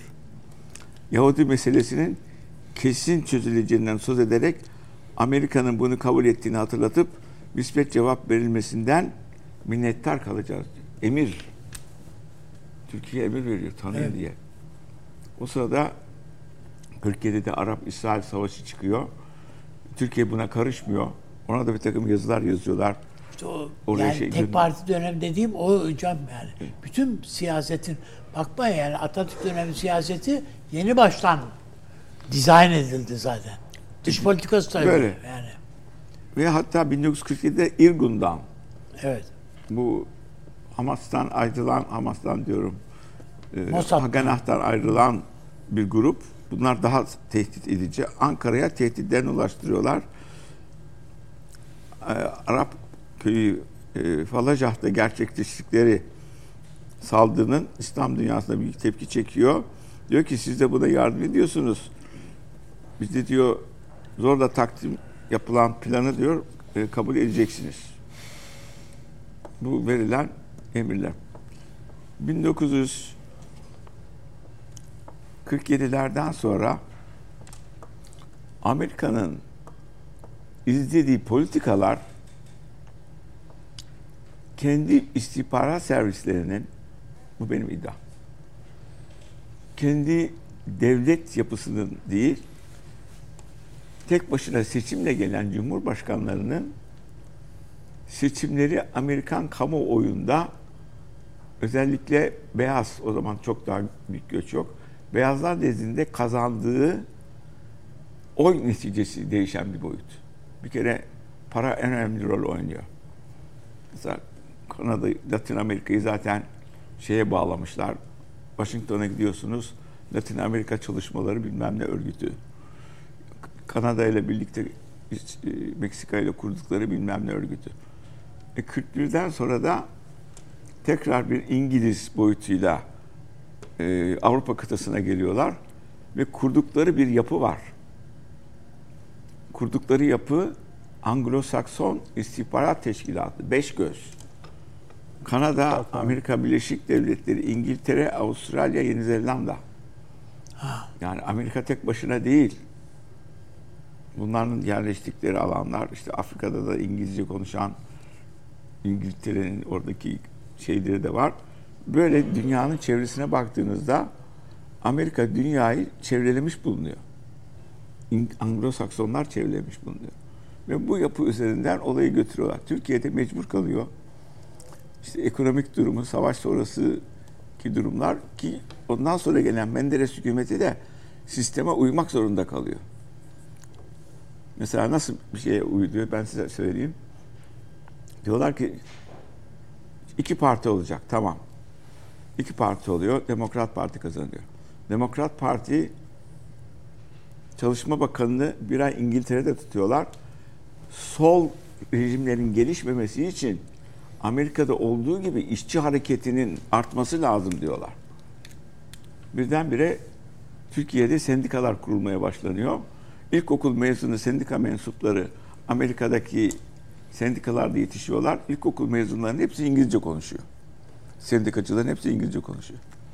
Şimdi yakında bizim ordumuzun da İngilizce konuşmaya başlayacağı gibi e, onlar da İngilizce konuşuyor. Üniversitede mi öyle? Yani üniversitede mi? Zaten İngilizce görmüyorlar mısın? E, İngilizce O 50 50'lerden sonrasını demek as, istiyor. askeriyedeki Şimdi dedi diye onun için söyledim. şimdi askeriyede yeni başlıyor. Asker harp okullarında Yani İngilizce İngilizce dersi mi yeni başlıyor yoksa başka bir şeyden mi bahsediyorsun? İngilizce dersi yeni başlıyor. Çift dilde olacak. Niye bakıyorsun Bey? Ne demek Ama istiyorsunuz senin yani? kastettiğin şey şu. Hocam kastettiği. Bir West Point'te eğitim gördürülen subaylar var. Harp okulunu bitirdikten sonra oraya götürüyor.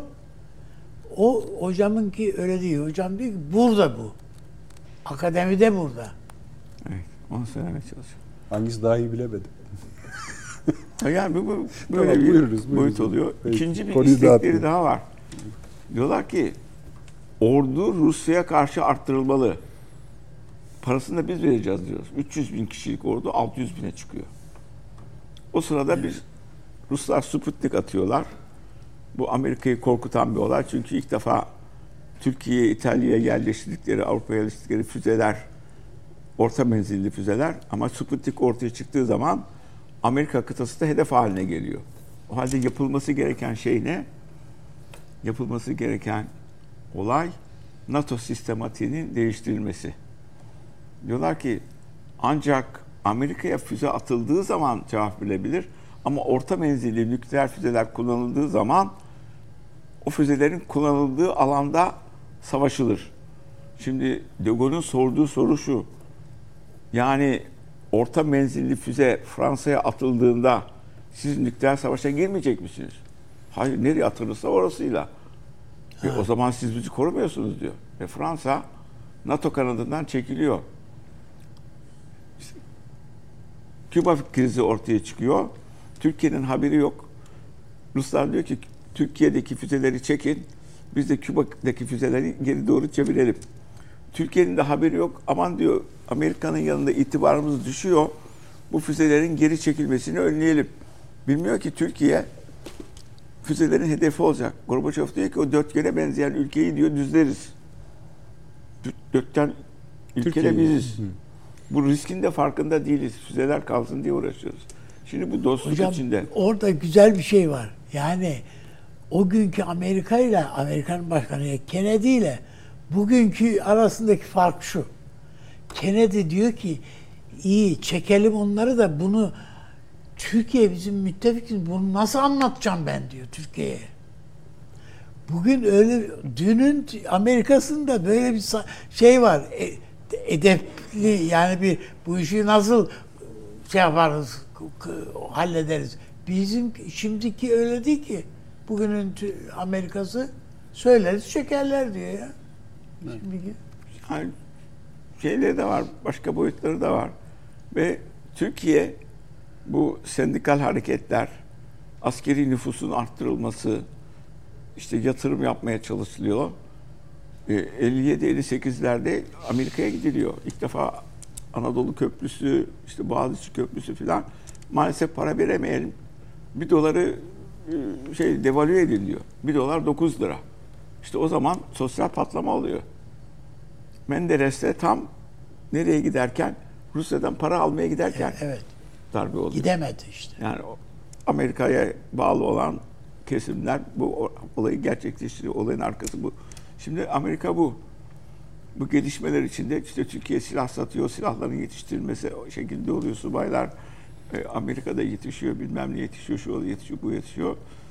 Fakat devamlı olarak bu bölgede 47'den sonraki İsrail'in bu bölgede yerleşmesi çünkü içerideki oy potansiyelinin en büyük para gücüne sahip bu ülke. Ve dikkat ederseniz liderlik İngiltere'den Amerika'ya geçiyor ama yumuşak bir geçiş oluyor bu. Niye? Bir Anglo-Sakson'dan diğer Anglo-Sakson'a. Ama şimdi Süleyman Hoca'nın söylediği bir geçiş oluyor. Ama tamamen bize de yabancı olan bir Çin kültürü, Asya kültürüyle karışık bir kültüre geçiyor. Bunu hazmetmeleri mümkün değil. Yani bu çatışarak olacak. Oluyor da. Yani yüz yüze gelmiyorlar ama aralarda çatışmalar oluyor. Çatışmalar oluyor. Çin biraz daha dikkatli duruyor. Kıymet Hocam daha yeni başladığınızın farkındayım. Çok kısa bir reklam vereyim. Sizin bir çayınızı tazeleyelim. Seyircilerimiz de bir çaylarını tazelesinler. Zaten çok kısa. 3 dakika efendim. Hemen burada olacağız. İzninizle hocam. Ya bu derin tarihi okuyun arkadaşlar. Bak onu da tavsiye ediyor hocam. Hemen geliyoruz arkadaşlar. Döndük efendim akıl odası devam ediyor. Hasan hocamızda kalmış idik. Evet. E, Efendim, ha, buyurunuz. Amerika üz- üzerinden gelişiyoruz Şu Amerika konuşmanız. üzerinden geçiyor. Şimdi ilginçtir. Demin Süleyman Hocam da söylüyordu. Bütün kuruluşları yani siyasal İslami kuruluşları kuran Amerika Birleşik Devletleri. Resmi ciddi söylüyorum. Tamam. Neyi kastettiğinizi anlıyorum ben. Sebebi Filistin Kurtuluş Örgütü seküler ve milliyetçi. Yani bunların çok mücadele ettiği işte 1967'den sonra uçakları kaçırdığı maçırdığı falan. Buradaki Mısır'daki Müslüman kardeşleri örnek alarak geliştirdikleri yapı bu. İkinci kurdukları bir yapı daha var. İlginç bir şekilde. O da Hizbullah. Hizbullah kuruyor. Nasıl kurduklarını da söyleyeyim size. Şimdi Lübnan'da bir takım olaylara girişiyorlar. Orada işte göç etmiş olan Filistinler var. Filistinlere karşı bir güç olarak Şii olan gruplara, güneydeki, Lübnan'ın güneyindeki Şii olan gruplara silah veriyorlar. Şimdi bu bir Asad diye grup kurulmuştu. Evet. Bir zamanlar işte MİT'ten de insanlar vardı, asker de vardı, araştırmacılar da vardı. Ee, hem İsrailleri çağırıyorduk hem Arapları çağırıyorduk. Bazen o zaman Başbakan olan Tansu Hanım da gelip gidiyordu. Şimdi dedik ki anlatın bu aranızdaki çalışmalar nasıl çıkıyor bu 90-91'lerde. Konuşurlarken Arap temsilcisi dedi ki El Fatih, Fatah siz dedi Şiilerin bize saldırması için 10 bin tüfek vermediniz mi dedi. İki ayrı dedi sekt arasındaki çatışmayı çıkarmak için Hizbullah gruplarını siz ortaya çıkarmadınız mı dedi. Yok ses yok. Buna cevap veremedi. Ama ne zaman ki Lübnan'ı işgal edip uzun zaman kaldıklarında Hizbullah gruplarıyla da kapıştılar. Çünkü sebebi Lübnan'a korkunç bir Filistin göçü yapmak durumunda kaldılar. İşte o zaman El Fetih yapısı bunlarla anlaştı. Fakat El Fetih'ten rahatsızlar. Çünkü El Fetih solcu ve milliyetçi. Onun yerine İslamcı ama bu işlerle uğraşabilen aynı zamanda El Fetih grubuyla çarpışan bir başka grup yaratmak boyutuna girdiler. Şiilerden faydalanamayınca. Ve hakikaten 1980'lerden başlayarak Hamas grupları daha sonra 87'de El Kasam Tugayları kuruldu. Bunların ilk savaşları kimle oldu biliyor musunuz? El Fetih örgütüyle. Birbirlerine girdiler. Öldürdüler. Silah ve cephane kimden? İsrail'den. Silah ve cephane İsrail'den açıkça. Ve yapılan genel seçimlerin o zamanki devlet başkanı kazandı. Fakat belediye seçimlerine, başkanlık seçimlerine girmediler. Belediye seçimlerine giren Hamas grupları bütün belediye seçimlerini kazandı ki asıl güç bu belediye seçimlerinde sistemi yöneten. Ve Gazze şeridinde Hamas grupları büyük bir yapı oluşturdu. Bunun dışındaki yapı El Fetih grupları Gazze şeridinde kaldı. Bu ikisi arasındaki düşmanlığı İngiltere destekledi ve son duruma kadar İsrailliler Kasam ve Hamaslarla görüşme yaptılar. El Fetih ile görüşmediler. Yani Yaser Arafat'la görüşmediler. Onlar sadece Birleşmiş Milletler'e kabul edildi. Mısır'ın otoritesi olarak. Fakat asıl görüştükleri bu bölgede Kasam Tugayları ve Hamas oldu. İlginç şekilde yazılan notlara baktım. Diyor ki devamlı görüşmeleri yaparak El Fetih'e karşı Kasam Tugaylarını ve Hamas'ı diyor geliştiren İsrail'dir. Resmi yazı olarak. Yani Amerikan belgelerinde bu yazıyor. Şimdi bir makale yazıyorum bu konuda. Çocukların da bazı şeylerinden faydalandım. Ha peşinden bu bölgede bir takım çatışmalar oluyor. Bunlar gelişmeye başlıyor. Fakat gelen iki tarafta İsrail'deki Araplar da içindekiler de devamlı şeye oy veriyorlar. Aşırı sağ gruplara oy veriyorlar.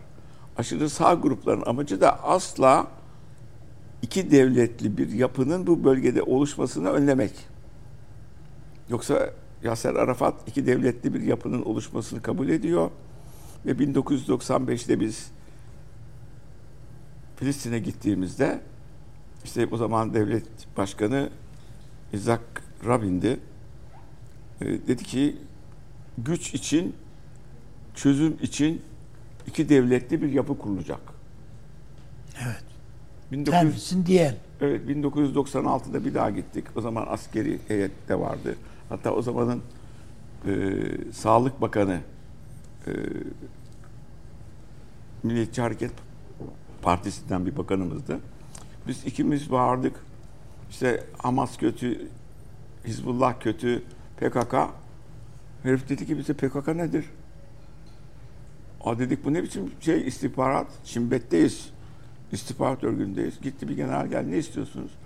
Dedik ki Hamas kötü, Hizbullah kötü bilmem ne falan. Peki PKK bizde de onu da izah edin.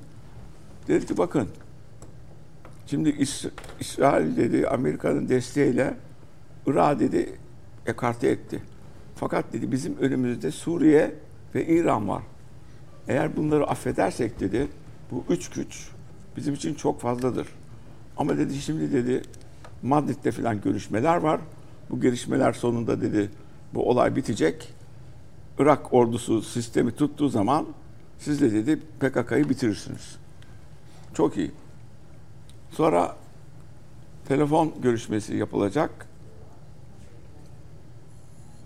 Bir kez dedi ki Hasan Bey arayın. Türkiye heyeti geliyor. Telefonu açtık. Efendim Türkiye heyeti geliyor. İngilizce söyledim. Karşımdaki adam oh no hayır ha ha o ne oldu? Türkiye heyeti geliyor deyince ağlamaya başladı. Meğersem Netanyahu'nun adamı İzzak Rabin'i yani orada devlet kurulmasına, Filistin devlet kurulmasına izin veren İzzak Rabin'i sağlam bir şekilde bir ensesinden, bir sırtından bir de belinden vurmuş. Ki canlanamasın diye.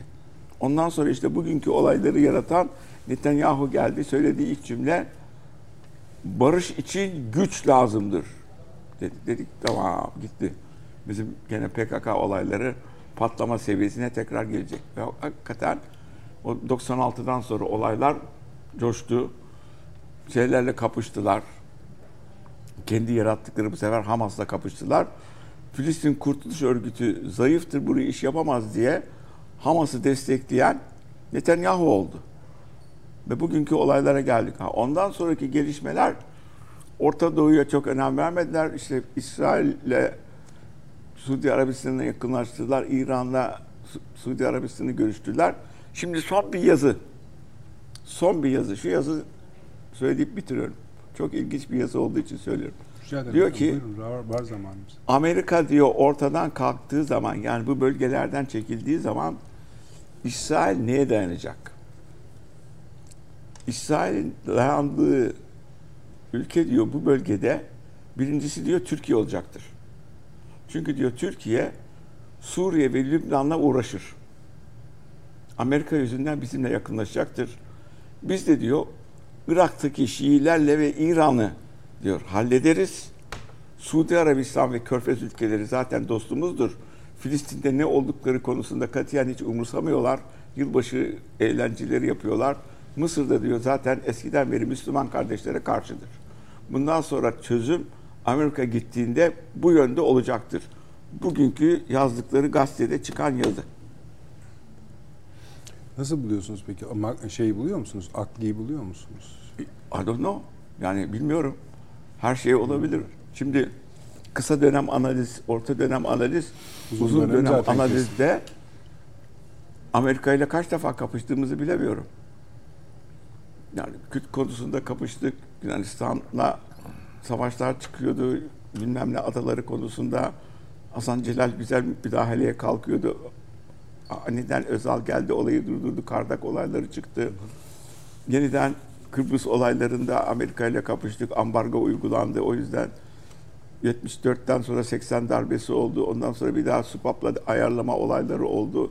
Oldu, oldu, oldu. Soykırım işinde kapıştık hocam işte ilk.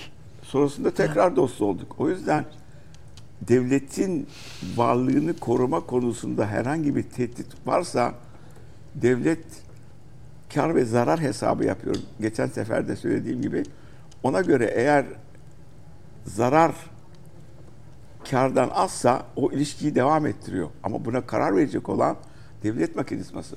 Yani ben kalbimden tamamen bunu silerek Türkiye'nin yeni bir yapı içinde oluşmasını temenni ederim. Ama devleti ben yönetmediğim için o ağırlığı üzerime alamam.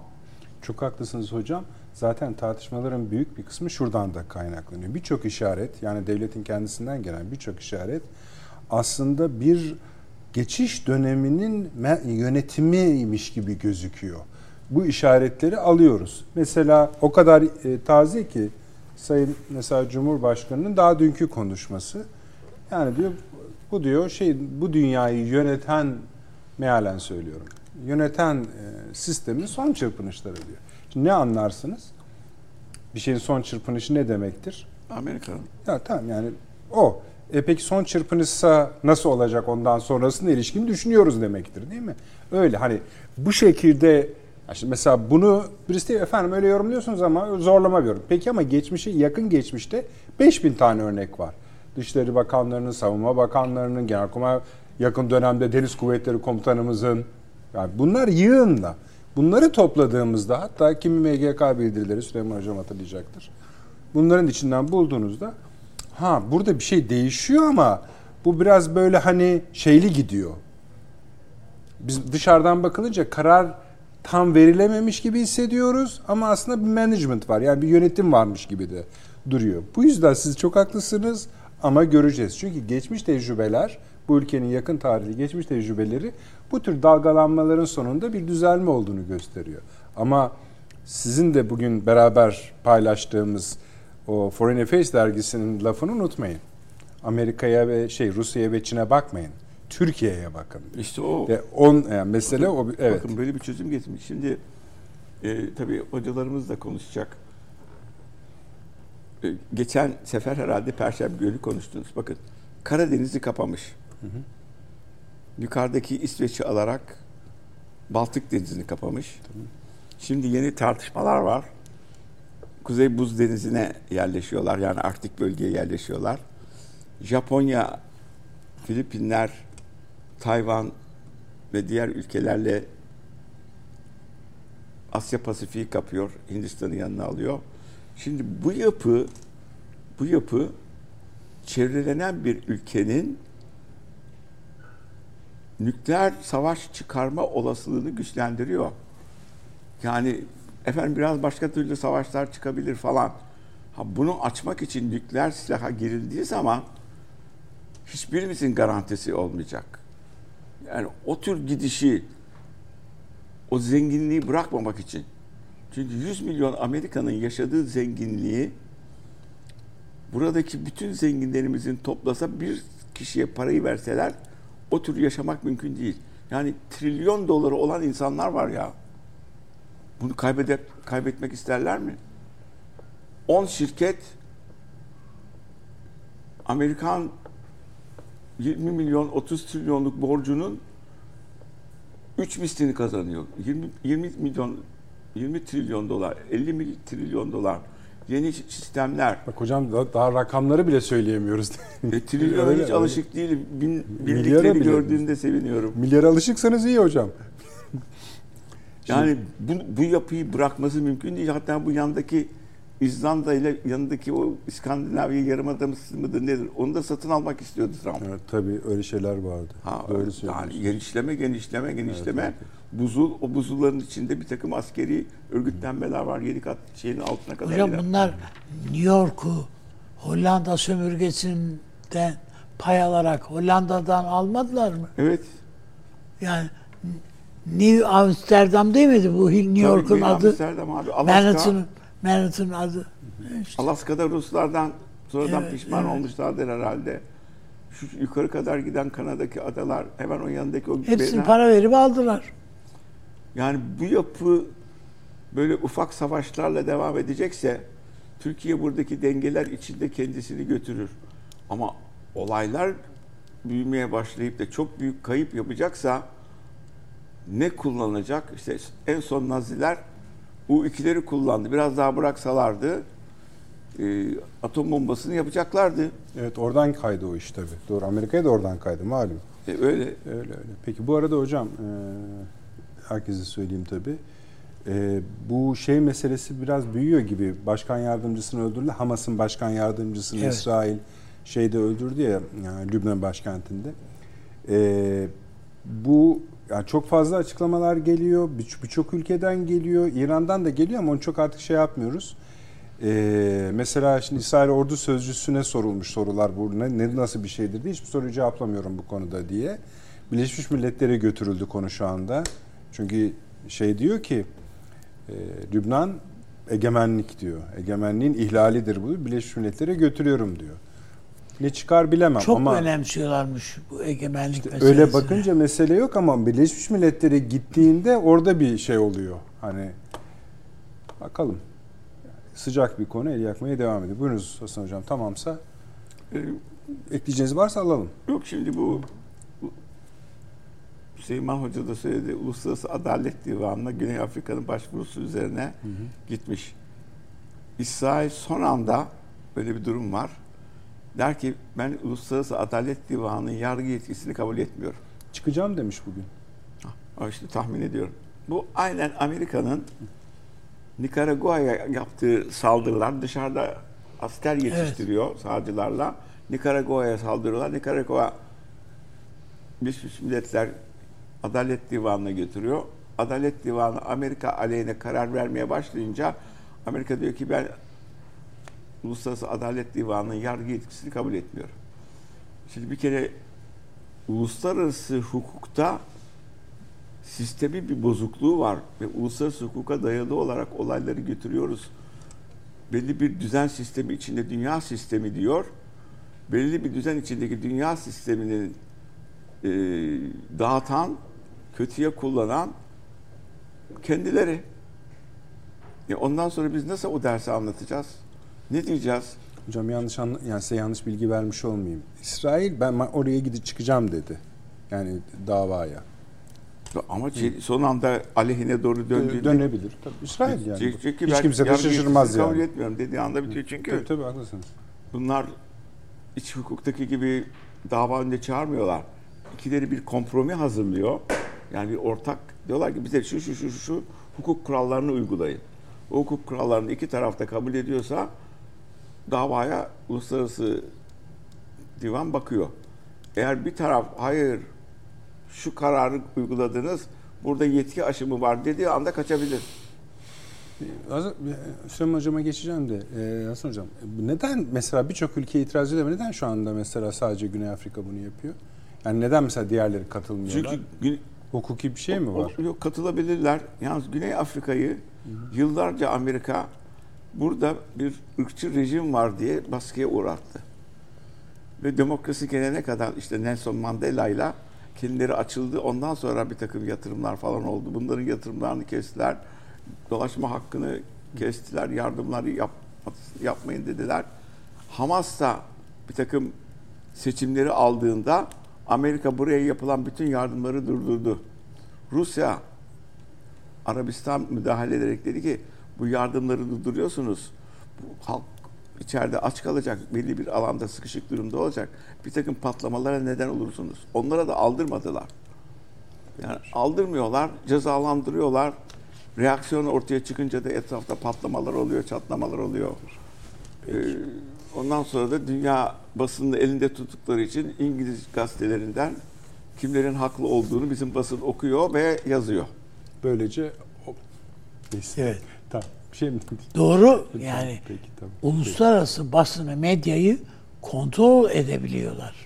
Yani tali çok olarak önemli bir şey. Başka bir şey yani di- diğer ülkelerinkine de sirayet ediyor. Tabii o çok zaten garip öyle işte. zaten. Zaten öyle zaten Yani dediğiniz şimdi sizin medyanız şöyle, öyle diyorsun. Tabii, tabii. Şimdi biz yani öteden beri Türkiye'de diyelim ki bir takım gerginlikler yaşadık, darbeler yaşandı, şunlar oldu, bunlar oldu. Biz Türkiye'de ne olup ne bitti bizim ülke şeffaf bir ülke değildir Türkiye. Hiçbir dönemde yani. Şu dönem dahil de yani buna. Hiçbir dönemde Türkiye şeffaf bir ülke olmadı ne olduğunu bu ülkede, Türkiye'de biz BBC'den öğrenirdik ya. Yani çocukluğumdan beri BBC'yi açarsın, akşam adam söyler yani. Türkiye'de şöyle oldu diye. Evet. Şimdi ne olmadığını öğreniyorsunuz. Ha. Şimdi söylemek istedim yani on, uluslararası medyayı adam kontrol eder. Peki. Bununla kontrol ediyor. konuşabilir. Buyurunuz. Estağfurullah. Ee, şimdi biraz da serbest bıraktığınız Tabii için tabii. bizi- Evet. Ya iyi de oluyor yani bence. Hem çok dikkatle dinliyorum hem hocamı hem e, üstadımı hem de bir taraftan kendi e, değerlendirmelerimi yanlış anlamalara yol açmayacak şekilde revize ediyorum veya biraz Buyurunuz. besliyorum. Tabii. Şimdi şu- dört e, başlık altında Amerika'nın çılgınlığını anlatmaya gayret ettim. Kısaca tekrar döneceğim. Bir, doları ayakta tutacağız. İki, high tech, yüksek teknoloji standartlarının tekerlerini alacağız. E, Avro bölgesini çökerteceğiz. E, enerji e, ve ticaret yollarını e, mümkün mertebe işlemez hale getireceğiz. Yani koridorlar su, koridor aslında- suikastleri. Çok anarşist bir bakış bu. Yani anarşizm reel politikte demek ki böyle oluyormuş. Yani artık o reel politikte bırakmıyor. Bence avantür politik, maceracı bir siyaset paterni şekilleniyor. Ama şimdi hocamı dinlerken buna benim de aklıma gelmişti de gereksiz bulduğum için e, bir tarafa koymak koymak istemiştim. E, ama şimdi hocam altını çizdiği için ben de biraz cesaret bulacağım. E, Atrik bölgesinin paylaşımı buna dahil. E, hocamın emin oluyorum biliyordur ama e, ben seslendirmiş olayım. Sibirya'nın geleceği. Tabii. Şimdi iş oralara kadar gidiyor. Ee, ve bu bütün statükoyu alt üst ediyor. Uluslararası hukuk, yapılar, kurumlar, kuruluşlar falan bunlar İkinci Dünya Savaşı'ndan sonra işte iş görsün diye şekillendirildi ama zaten pek iş görmedi. Ee, gördüğü kadarıyla da artık görmüyor. Yani bunu rahatlıkla söyleyebilirim. Önce buna bir işaret edeyim diyorum. İkincisi bu Suudilerin pozisyonuyla Türkiye'nin pozisyonunu Birleşik Arap Emirlikleri demiyorum ama Suudi Arabistan diyorum hasreten altını çizerek garip bir biçimde örtüşük görüyorum. Şimdi bunu biraz açmam lazım. Ee, Türkiye'nin bir bacağına bakıyorsunuz, bir ayağına bakıyorsunuz Avrupa'da. Yani Avrupa Birliği'ne oynuyor. Bir bacağına bakıyorsunuz Rusya ile dans ediyor.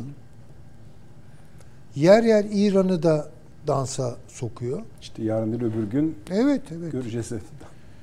Ve tabii ki çakılmış bir kazık da ABD. Yani NATO. Şimdi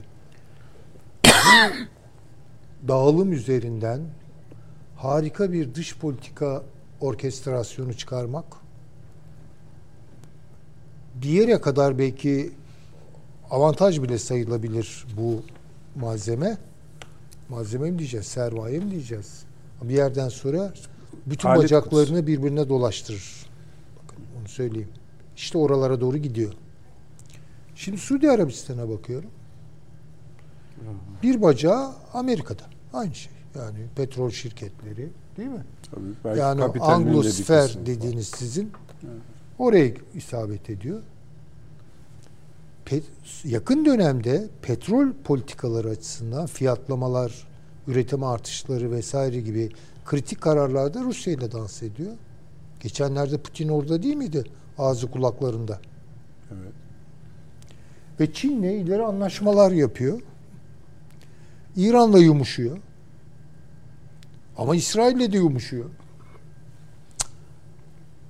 Daha sınırlı olmak kaydıyla yani Birleşik Arap Emirlikleri'ne göre biraz mütereddit ama onunla da dansa kalkmış vaziyette. Şimdi bu, bu, bu da sürdürülebilir bir şey değil yani. Nereye kadar gidecek bu iş? Amerika'nın dolar imparatorluğunu sarsacak itiraz, eleştiri kimden geldiyse onun gene hoş bir tabir kullanmayacağım ama anlaşılsın diye çanına o tıkanır. Bu söz konusu kişinin veya ekibin Amerikalı olup olmamasıyla da alak- alakalı değildir. Siz mesela Andrew Jackson gibi No Bank diye kampanya açıp bankaları karşınıza alırsanız suikast yersiniz yani. Şimdi dolayısıyla mesela Andrew Jackson'ın uğradığı suikast ölmedi gerçi çünkü bayağı bileği kuvvetli bir adamdı yani suikastçisini filan tesirsiz hale getirmeyi becerdi ama yaralandı filan. Kennedy sadece coinleri Amerikan hazinesi bassın dediği için bir hafta sonra gitti. Bakın Amerikalılar bunlar yani. Bu, bu, bu Amerikalı Amerikalı olmayan ayrımı da yapmıyor.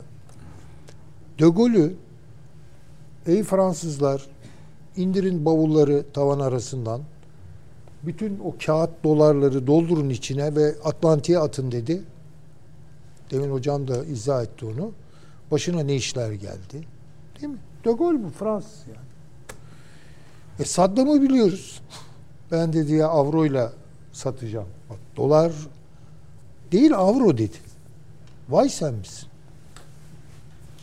İşte Kaddafi'nin durumunu biliyor. Yani çok riskli bir durum. Yani Amerika'ya kafa kaldırmak, dik durmak çok riskli bir durum. Günümüzün dünyasında her zaman olduğundan daha fazla. Çünkü kamplar yok. Hani sizi böyle kuşatacak, arkanızda duracak bir kamp da yok. Alternatif. Yani kalırsınız böyle. Şimdi Arapların yakın dönem tarihine bakıyorum. Maşrık, mağrip fark etmez. Siyasal kültürlerinde üç katman var bunların. Bu birinci katman Bağız. Yani Arap Arap milliyetçiliği. Şimdi her yerde var. Mısır'da var, Suriye'de var, Irak'ta var, var oğlu var. Yani bu bir dalga olarak geliyor.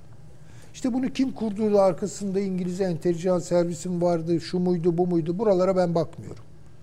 Ama fiili olarak gidişatında Bağız Amerika'nın karşısında yer aldı. Yani bat, yani NATO için, Atlantik e, paktı için baş ağrısı. Bundan kurtuldular mı adamlar? Kurtuldular. Hangi dalga üzerinde? ikinci katmanı harekete geçirdiler. Müslüman kardeşler. Değil mi yani Mısır'da? Gannuşiler, e, Mursiler, yani. Bazı onlara yedirdiler. Ama Müslüman kardeşlerden gelen bir dalga gene anti Amerikan, anti NATO, anti bilmem ne olunca Selefilere onları yediriyorlar. Bakın. Bu da üçüncü katman. Yani bakın Selefi Vahabi bir katman var ki Suudi Arabistan bu bloğu oluşturuyor. Başı ne Bağız'la hoş ne Müslüman kardeşlerle hoş. İkisiyle de problemli. Müslüman kardeşlere Bağız'ı yediriyorlar. Suriye hariç orada bir arıza çıktı. Şimdi dolayısıyla El-Kaide'yi Selefi fideliklerde yetiştirdiler. Suudi Arabistan'ı suçlamadılar mı de bu yüzden yani. Evet. Ha? Şimdi dolayısıyla Türkiye'nin bu üç akımla da başa gelmesi çünkü hepsi anti-Türktür bakın. Yani bunları bilelim.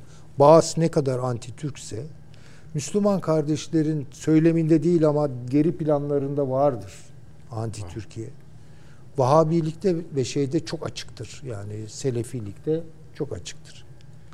Şimdi hal böyleyken Türkiye'nin Amerikan jeopolitiğinin dışına atılması ve atıldığı yerde yeni jeopolitik arayışların içine girmesi durumunda her şeyi ağırlığınca ve duygusallığa kaçmadan mühendislik yaparak yönetmesi lazım. Bakın bunu yapamadık. Eğri eğri doğruya doğru.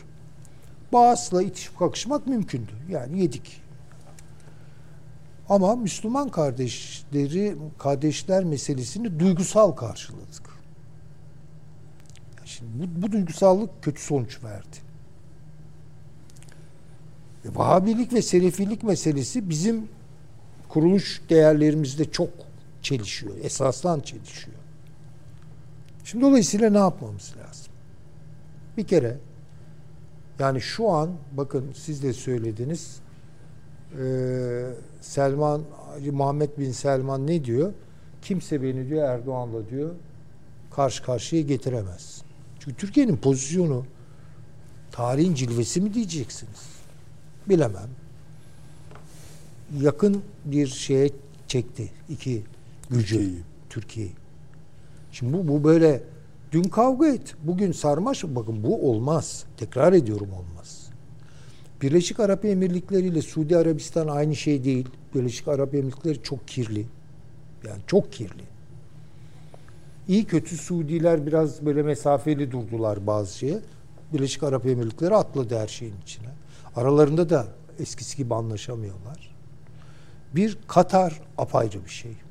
Türkiye-Katar ilişkileri bir kere Türkiye Araplarla ilişki kuracaksa ayağın basacağı yer Katar. Katar.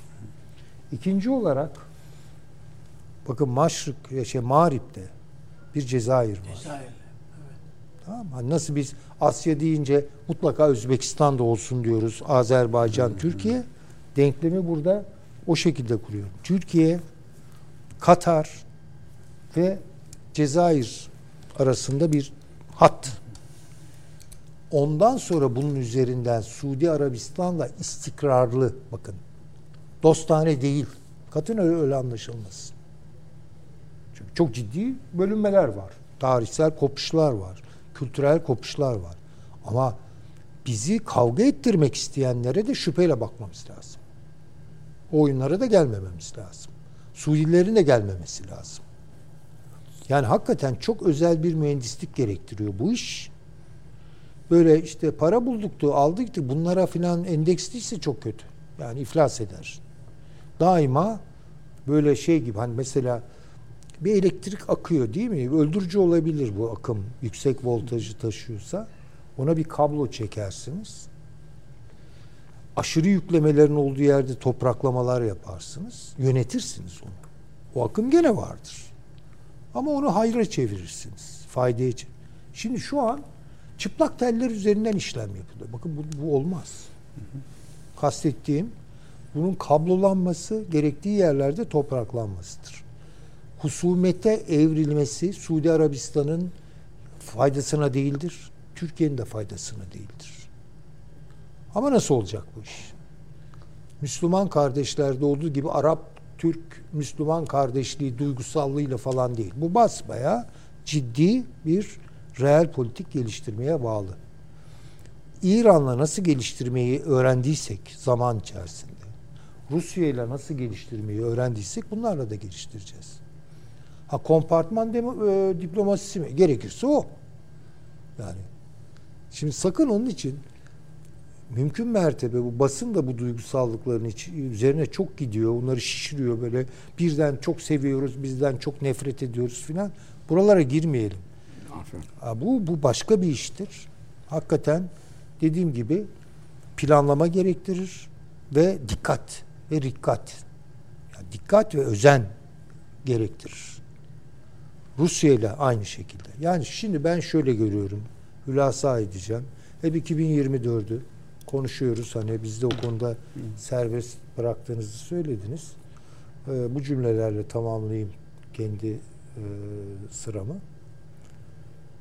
Bir kere Türkiye isterse meclis İsveç'e evet desin ki bence çok fahiş bir hata olur. Alenen söylüyorum Ee, oldu olacağını bu kadar kesin niye söylüyorum biliyor musunuz? Daha öncekilerde söylemiyordum. Şunun için söylüyorum. Onaylanacağı yönünde. Evet, Ki- onaylanma ihtimali. Bilemem belki de. Onaylanma Ters. ihtimalini yüksek görüyorum şu sebepten diyorsun. Ha, şu- şu- hayır hayır o, yani o, bilemem meclisin iradesi hakkında ileri geri konuşamam ben. Çünkü bu kadar kaç yüz milletvekilinin hepsi adına ne söyleyeyim ben şimdi burada. Fakat şunu gördüm. Ukrayna'ya biliyorsunuz kongre yardım paketine hayır demişti değil mi? Cumhuriyetçiler bastırmıştı. Ne yaptılar biliyor musunuz? Beş dakikada Beşiktaş kendi inisiyatifini kullandı hükümet ve rakamı hatırlamıyorum. 60 milyar dolar mıdır nedir? Bir rakamı serbest bıraktı ve gönderiyor. O oldu mu? Başkanlık, Oldu. başkanlık Şimdi yetkisiyle. şöyle karıştırmayalım. Başkanlık Yani yetkisiyle yaptı bunu. Tabii. O kadar, şimdi iki paket vardı onun için. Birincisi 250 Fark milyon. etmez ikisinde de yani Hayır, hayır, silah yetkisini eder, de başkanlık yetkisini çok kullandı. fark ediyor. 250 Parayı milyon da- dolarlık aynı yardımla 60 milyar Hiç dolarlık fark etmez. Usulük söylüyorum ben. işte oldu mu Yani o olay yeri diye ben geldiği de- zaman- Peki. Başkan yani Biden Sorumluluğu üstlendi. dedi ki ben yani bunu reysen kendi inisiyatifini yasalarda bu hakkı vermiş. şey kapalı olduğu için, kongre kapalı olduğu için. Ama kongre ister o zaman Tabii tabii ben sadece yani teknik bir şey anlatıyorsunuz ya onun için onu yani ekledim Süleyman Hocam. O zaman şöyle kongreye kal, kalıyorsa bu işler, başkanın bu konuda inisiyatifi yoksa beklerler. Beklemedi. Acil. Yapabiliyor Zaten bunu. E yardım- Peki yani F-16'lar için niye da yapmıyor? diyor aciliyeti sebebiyle diyor. Aciliyet, aciliyeti yok demek ki. Yani bize de yarın öyle söyleyecek. Evet hala aynı niyetimi taşıyorum ama aciliyetini görmüyorum dese ne diyeceksiniz? E bu basit olarak ittifak gereği zaten yani. Rutin bile olması gereken bir şeyi bu hale getirdiler. Yani demek istediğim şu.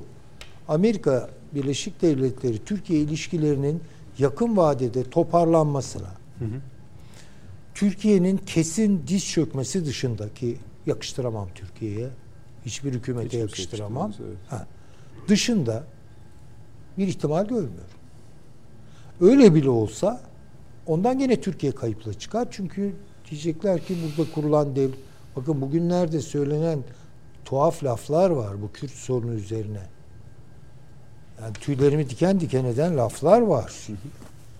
Türkler Kürtlere haksızlık etti. Bakın bakın tarihsel bir dava söylüyor. Yani Amerika'da bir şeyle anlaştılar biliyorsunuz PKK. Tabii onu da onu da bir konuşmak lazım. Ee, Hangi, yani neye bundan bu? geri caymıyor yani bundan bundan geri dönmüyor. Bir emaresi tamam, yok. ondan eminiz. ya. Ha, demek ki Adımınızı ona Ha. Türkiye şunu kabul etmekle yola çıkacak. Çok uzattım bağlayacağım derken çorba ettim. Ee, şunu kale almak zorunda, dikkate almak zorunda daha doğrusu. Bunun onar, onarılacak, tamir kaldıracak bir tarafı kalmadı. Dolayısıyla Türkiye kendine yeni bir yol ve bunu mümkün olduğu kadar bölgesel ki Sayın Cumhurbaşkanı da bunu söyledi yani. İşte dostlarımızın sayısını arttıralım. Bu dostluk, düşmanlık tabii o biraz politik söylem gereği öyle söyledi de yani Suudi Arabistan'la içine düşürüldüğümüz sorunlu durumu Türkiye'nin yararına aşmak istiyoruz veya Doğrusu. ee, yani Mısır'la daha serin ilişkiler kurmak istiyoruz. Bu kadar soğuk olmasın yani. İşte Yunanistan'la minimize etmek istiyoruz falan. Ben bunları anlarım. Dostluk olmaz çünkü burada. Bakın onu hiç beklemeyelim. Dostluğa en yakın ilişki Katar-Türkiye ilişkisidir. Tek ilişkidir. O bölgede. Pakistan-Türkiye ilişkisi. Ha, Azerbaycan Azerbaycan, Türkiye Türkiye. ilişkisi. Bunlar ayrı şeyler. Rusya ile dostluk olmaz. Veya Suudilerle dostluk olmaz. Böyle anlaşılmasın söylediklerim. Ya bu kadar konuştuktan sonra herhalde anlatmış o- sayabilirim. bundan sonra siz artık. Artık yani yanlış anlamak isteyen başka türlü. Evet peki. Şimdi bak anne abi. Süleyman Hoca bir söze başlıyor sonra yine konu konularımız şey oluyor, büyüyor. Büyüsün, iyidir. Dedi ki ikinci bölümde konuşurken eğer Türkiye böyle bir karar ver, verdiyse bu iş artık Amerika ile yürümüyor kararı verdiyse bundan sonraki süreçte şöyle adımlarını hassasiyetle atmalıdır. Ya tamam yani hangi yöne karar verdiyse versin hassasiyetle atmasını tavsiye ederiz de tamam mı yani o? O iş tamam mı ki hassasiyetle adım arıyoruz? Ben Türkiye'nin henüz o karar noktasında olduğu ne düşünmüyorsun? Kani değilim ama şurası bir gerçek. Türkiye bir şey az önce hocam dedi ki işte biraz İran'ı da şey yapmayalım. Rusya'yla da bilmem ne olsun. İşte Amerika'da zaten yedeğimizde dursun. Yunanistan'la da iyi olalım filan filan. Bu ila nihaya gitmez bu iş.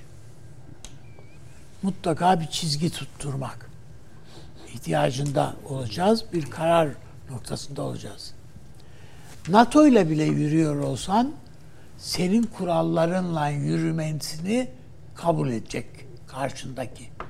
Şu anda bizim kurallarımızda yürümüyor o ilişki. Bizimle yürümüyor. Tıpkı bu e, İsveç'le olan o protokolün imzalandığı toplantıda üç kağıda getirilişimiz gibi. Yani onun o bir NATO taahhütnamesine dönüştürülebilirdi. O kadar Siz, bence orada o kadar bir üç kağıt yok hocam. Süleyman Hoca da sizinle aynı fikirde biliyorum ama hani o belki şöyle söyleyebilir. Keşke biraz daha büyük bir parça koparılsaydı diyorsunuz Hayır esas. büyük parça değil canım basmaya. Bu bir NATO taahhüdü müdür? Arkasında NATO taahhüdü varsa bunun yani İsveç'in başbakanı en sonunda bize dedi ki biz yapacağımızı yaptık imzalayın bunu dedi. Öyle değil mi hocam? Tabii canım. Türkiye'ye resmen fırça attı adam. İsveç Başbakanı. Yani biz yapacağımızı yaptık. Bu, bu kadar dedi. Uzatmayın artık. Uzatmayın artık dedi bize. Yani lafı da böyle öyle nezaketle filan söylemedi bize. Her neyse yani bu birincisi bu. Türkiye'nin kurallarını yeniden belirleyeceği bir ilişki şeyine dönüştürmeliyiz. Hem Amerika ile ilişkilerimizi daha da zor bir şey istiyor. Hem de ama öyle yani hem de NATO ile ilişkilerimizi. Şöyle söyleyeyim bu yani e, kesmeyeceği atın önüne arpa koymuyorlar bunlar. Bu Amerika öyle.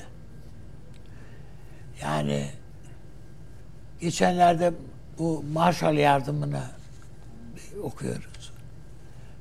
Marshall yardımı işte Batı dünyasını işte biraz ayağa kaldırmak için. Batı dünyası dedi adamın bir tek şey var. İlk başlangıçta. Allah. Doğrudan doğru Marshall'ın ifadesi. Almanya'yı ayağa kaldırmamız lazım diyor adam. Amerika'da. Temsilciler Meclisi'nde ve başbakana, başkana söylüyor bunu. Almanya'yı yeniden ayağa kaldırmamız lazım. Avrupa'nın üretim gücü yoktur. Almanya'nın vardır. Bunu ayağa kaldırmamız lazım. Ha o arada diğerlerinin de işte böyle ufak tefek sağdan soldan bilmem ne. Herkes de o Marshall yardımından bir parça biz de nasiplenebilir miyiz diye şey yapıyor. Biz de dahil, Türkiye de dahil. Ona beş, beş kuruş veriyor, sana on kuruş veriyor, öbürüne yedi buçuk kuruş veriyor. Almanya'nın düşünün ki e, ellerinde fileyle alışverişe gidiyorlardı. Filenin içi şey mark Alman markı dolu ekmek alıyordu bir tane. Bir file dolusu kağıt parayla bir ekmek alıyor, alıyordu. Almanlar, Amerikalılar dediler ki bırakın bu işi. Ama herkesten gizli ve Almanlardan bilhassa gizli Amerikan Merkez Bankası mark bastı. Tonlarca mark bastı ve gönderdiler Alman Merkez Bankası'nın başkanı falan ve hepsi Alman Amerikalı. Hepsi oturdular. Paraları onlara gönderdiler. Bir gecede elinizdeki bütün markları yakın dediler. Atın çöpe. Size adam başına 60 mark vereceğiz. Yeni bastığınız markları verdiler. Ve herkes gitti. Kimse lan bizim paraya ne oldu demedi yani. Herkes gitti yaktı, attı paraları. Ve Alman, Amerikalıların bastıklarını aldı. Onunla ayağa kaldırdılar Almanya'yı. Sadece o mu? Aynı şey Fransa'da da geçerli. Ne de Gaulle'ü takla, takla, taktılar. Fransızlar ne başkasını. O Amerikalıların verdiklerine eyvallah dediler. Hepsi. Sadece bu işte Rusya Çekoslovakya'ya ben giriyorum efendi deyince Amerikalılar dediler ki ya bu Ruslar azgın değiller. Başa bela alacak. Biz diğer Avrupa devletlerine de verelim ya. Üç kuruş beş kuruş verelim yani.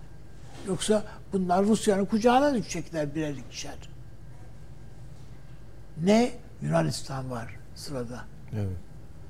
Ne Yunanistan var, Türkiye var. Hepsi yani işte diğerleri de sıraya girdiler. Hepimiz bir fidanın dalıyız işte. Herkes Amerikancı. De, programa girmeden konuşuyorduk hocamla. Ee, Türkiye'de işte böyle Amerika Amerika diye şarkılar bestelenirken ben zannediyordum sadece Türkiye'de var bu Amerikancı. Yok. Başka ülkelerde de var. Yani İspanya'nın falan da böyle flamenkoları var. Amerikan Amerika üzerine. Ee, bizde Bizimle rekabet var. edebilecek bir ülke görüyorum ben bu Amerikancılık konusunda. Bir Almanya belki. Diğerleri hiç yanımıza Ama yanaşamaz yani. O, o Almanya öyle şarkı Türkiye değil. İkinci, Almanya basbaya şiirinden bağlamış. Avrupa tepeden tırnağa Amerikan aşkıdır. Tabii. Ee, peki bu ülkeler içinde Amerikan etkisinden en sıyrılmış olan ülke hangisi? Avrupa ülkeleri Bak, ben şey, Avrupa ülkelerinden sıyrılmışı mıyrılmışı yok. Herkes kaptırdı o zaman ne gidiyor. Konu? Eğer birisi sıyrılmışsa bak, bakmayın Ben bilmiyorum siz, soruyorum. Bizim halk olarak Türkiye sıyrılmıştır. İşte Avrupa Amer- dedim onun için. Türkiye'yi katmadım. Yani Türkiye sıyrılmıştır. Hı hı. Yani Türkiye devletine bile bakmaz bu konuda. Amerikalılardan hiçbir halt olmayacağını bilir. Bilir yani Türkiye. O yüzden devlet doğru düzgün bir politika belirlese hiç bakma ki terezzüm yok ki Türk halkı arkasında durur onun. Yani o bakımdan ben önümüzdeki dönemde en büyük tehlikeyi bizim şeyi görüyoruz. Görmüyor değiliz. Bizim bu e, PKK üzerinden, bu Kürt meselesi üzerinden tepemize kurulan tuzağı Hı. görüyoruz. Görmüyor değiliz. Ama biz buna siyaset geliştiremiyoruz. Hala geliştiremedik. Geliştiremiyoruz. Elimizde ayağımızı geveliyoruz. Yani karnımızdan konuşuyoruz hep. Ve başka vesileyle de söyledim. Ben Sayın Cumhurbaşkanı'nın bu konuda arkasından hançerlendiği kanaatindeyim. Çözmek istiyordu bu işleri. Beceremedi. Beceremedi demeyeyim yani. Hiç, yaptırmayız sana bunu dediler ya. Çok açık. Aynı şey Turgut Özal için de geçerlidir bu söylediğim. Senin üstüne mi vazife dediler ya? Yok. Yaptırmayız. Şimdi ben mesela bu Türk Cumhuriyetleri yani Türk Devletleri Teşkilatı şu bu ben basmaya yani bunları nasıl yani bunu mesela Tayyip Bey bunları nasıl görmüyor yani gör herhalde farkındadır diye bakıyorum. Yani Neyi? adamlar bir taraflara da bunları da yazıyorlardır bir yerlerine. Ne ne yapmak için istiyor bu diye. Yani sadece İran homurdanmıyor. Sadece Rusya ne yapıyor bu diye şey yapmıyor. Öbür taraftaki de ya ne başımıza bu Çinlilerle falan biz şey yaparken bunlar ne yapıyor bunlar diyor. Bu Türkiye. O yüzden ben önümüzdeki dönemin Türkiye'de en fazla siyaset üretmeye yani işte Süleyman Hocaların, Hasan Hoca'nın falan e, akademik birikimlerine ve onların eko, şeyin e, üniversitelerin değerdeki per, şeyin kadroların gayretine en fazla ihtiyacımızın olduğu dönemi yaşıyoruz. Ama bu arada adam diyor ki kardeşim maça niye ondan çıktınız? Hadi buyur. Çöz çözebilirsen kardeşim. Yo, valla bazı seyircilerimiz biz bu maç meselesini e, konuşurken arkasında ne olduğunu anlamaya çalışırken öyle mesajlar atmışlar ki yani o haritayı zaten çizip koymuş önümüze. Siz söyleyemediniz o kadar. Tamam canım elbette o onun Onu tabii- yani tabii ki- yumurta küfesi yok yani onun için söylüyor. Biz elbette küfeyle dolaşıyoruz. Ama Ama sonuç itibariyle söylüyoruz zaten. Hı. Söylemiyor değiliz yani. Hı hı. Tabii tabii tabii. Yok yok söylüyorsun. Yani bu Türkiye'deki çok özür dilerim. E, estağfurullah. bu işte daha net söyleyeyim. ilerici gerici, dindar laik, muhafazakar bilmem ne, liberal. Evet. Bu gerilimlere taşınmış tartışmalardan Türkiye'ye hiçbir hayır gelmez. Daha önce de gelmedi. Gelmemiştir. Neyi taşıyorsa ve kim taşıyorsa hiç fark etmez ki. Onun için hani tabii ki o tartışmalardaki karşılığını bizim bu programın kıymetli izleyicileri çok Yerine- daha Yerine koyar. yerine koyar da yani bizim bunları dile getirmememizin sebebi kolaylıkla o tartışmaların failine dönüşme riskini karşılamak, bertaraf etmek. Yoksa ya bu kadarını söyleyivereyim. Yani. Ee, Ala Yani- örneğindeki gibi. Yani biz şöyle söylüyoruz yine hani Tabii. süt içer, Evet evet. Miyav miyav miyav, der. der. İşte ne diyelim. Sonra anlarlar yani. Ama daha da ötesini söylüyoruz.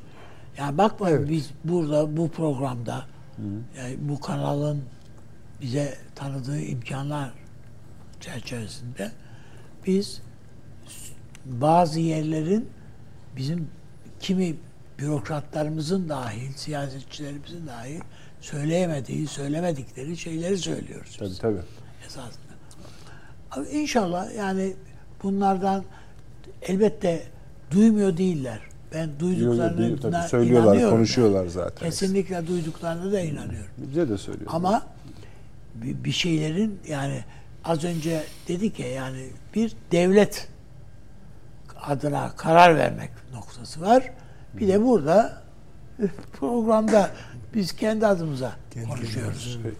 O devlet adına karar vermek noktasındaki insanlardan bir hatırlarsanız bir tanesi Milli Güvenlik Kurulu Genel Sekreteriydi değil mi? Yani Türkiye'nin NATO'dan falan çıkması gerektiğini adam söyledi. Yani onun için yani bu ama emekli olurken aklına geldi adamın. Emeklilik Emeklilerin konuşmasında aklına geldi. gerçekçi olur. Tabii. Peki. Hocam ekleyeceğiniz bir şey kaldı mı? Çok. Yoksa tamam. Ee, şimdi Perşembe günü biraz şimdi bir kere şöyle söyleyeyim. Çok Amerika'ya çok abandınız bir kere. Bir kere yani bu mü- bir müttefiye yapılacak bir şey Yani değil. Onu okuyalım mı diyorsunuz? Hani öyle demeyelim ama asıl şikayetim şu.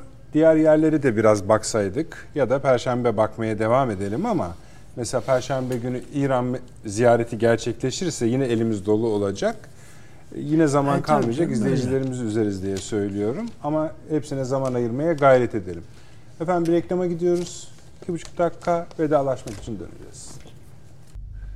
Avni abi çok çok teşekkür ediyorum. Biz de Perşembe teşekkür devam ediyoruz. edeceğiz. Sağ Bunlar olun. önemli konular İnşallah. ama birçok yere dokunmamız gerekiyor. Süleyman Hocam bir şey ekleyecek misiniz? Yok.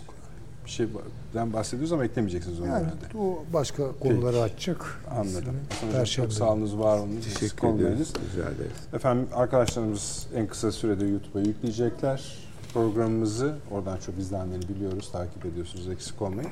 Perşembe günü aynı saatte işte eğer gerçekleşirse İran Cumhurbaşkanı ziyareti bu sefer daha kuvvetli karineler var geleceğine iş- ilişkin. Önemli bir görüşme olacak. Bakalım bizim yapıştırdığımız yapbozlarda, puzzle'larda nasıl bir yeri kapatacak ya da açacak ona da bakacağız. Ee, iyi geceler diliyoruz.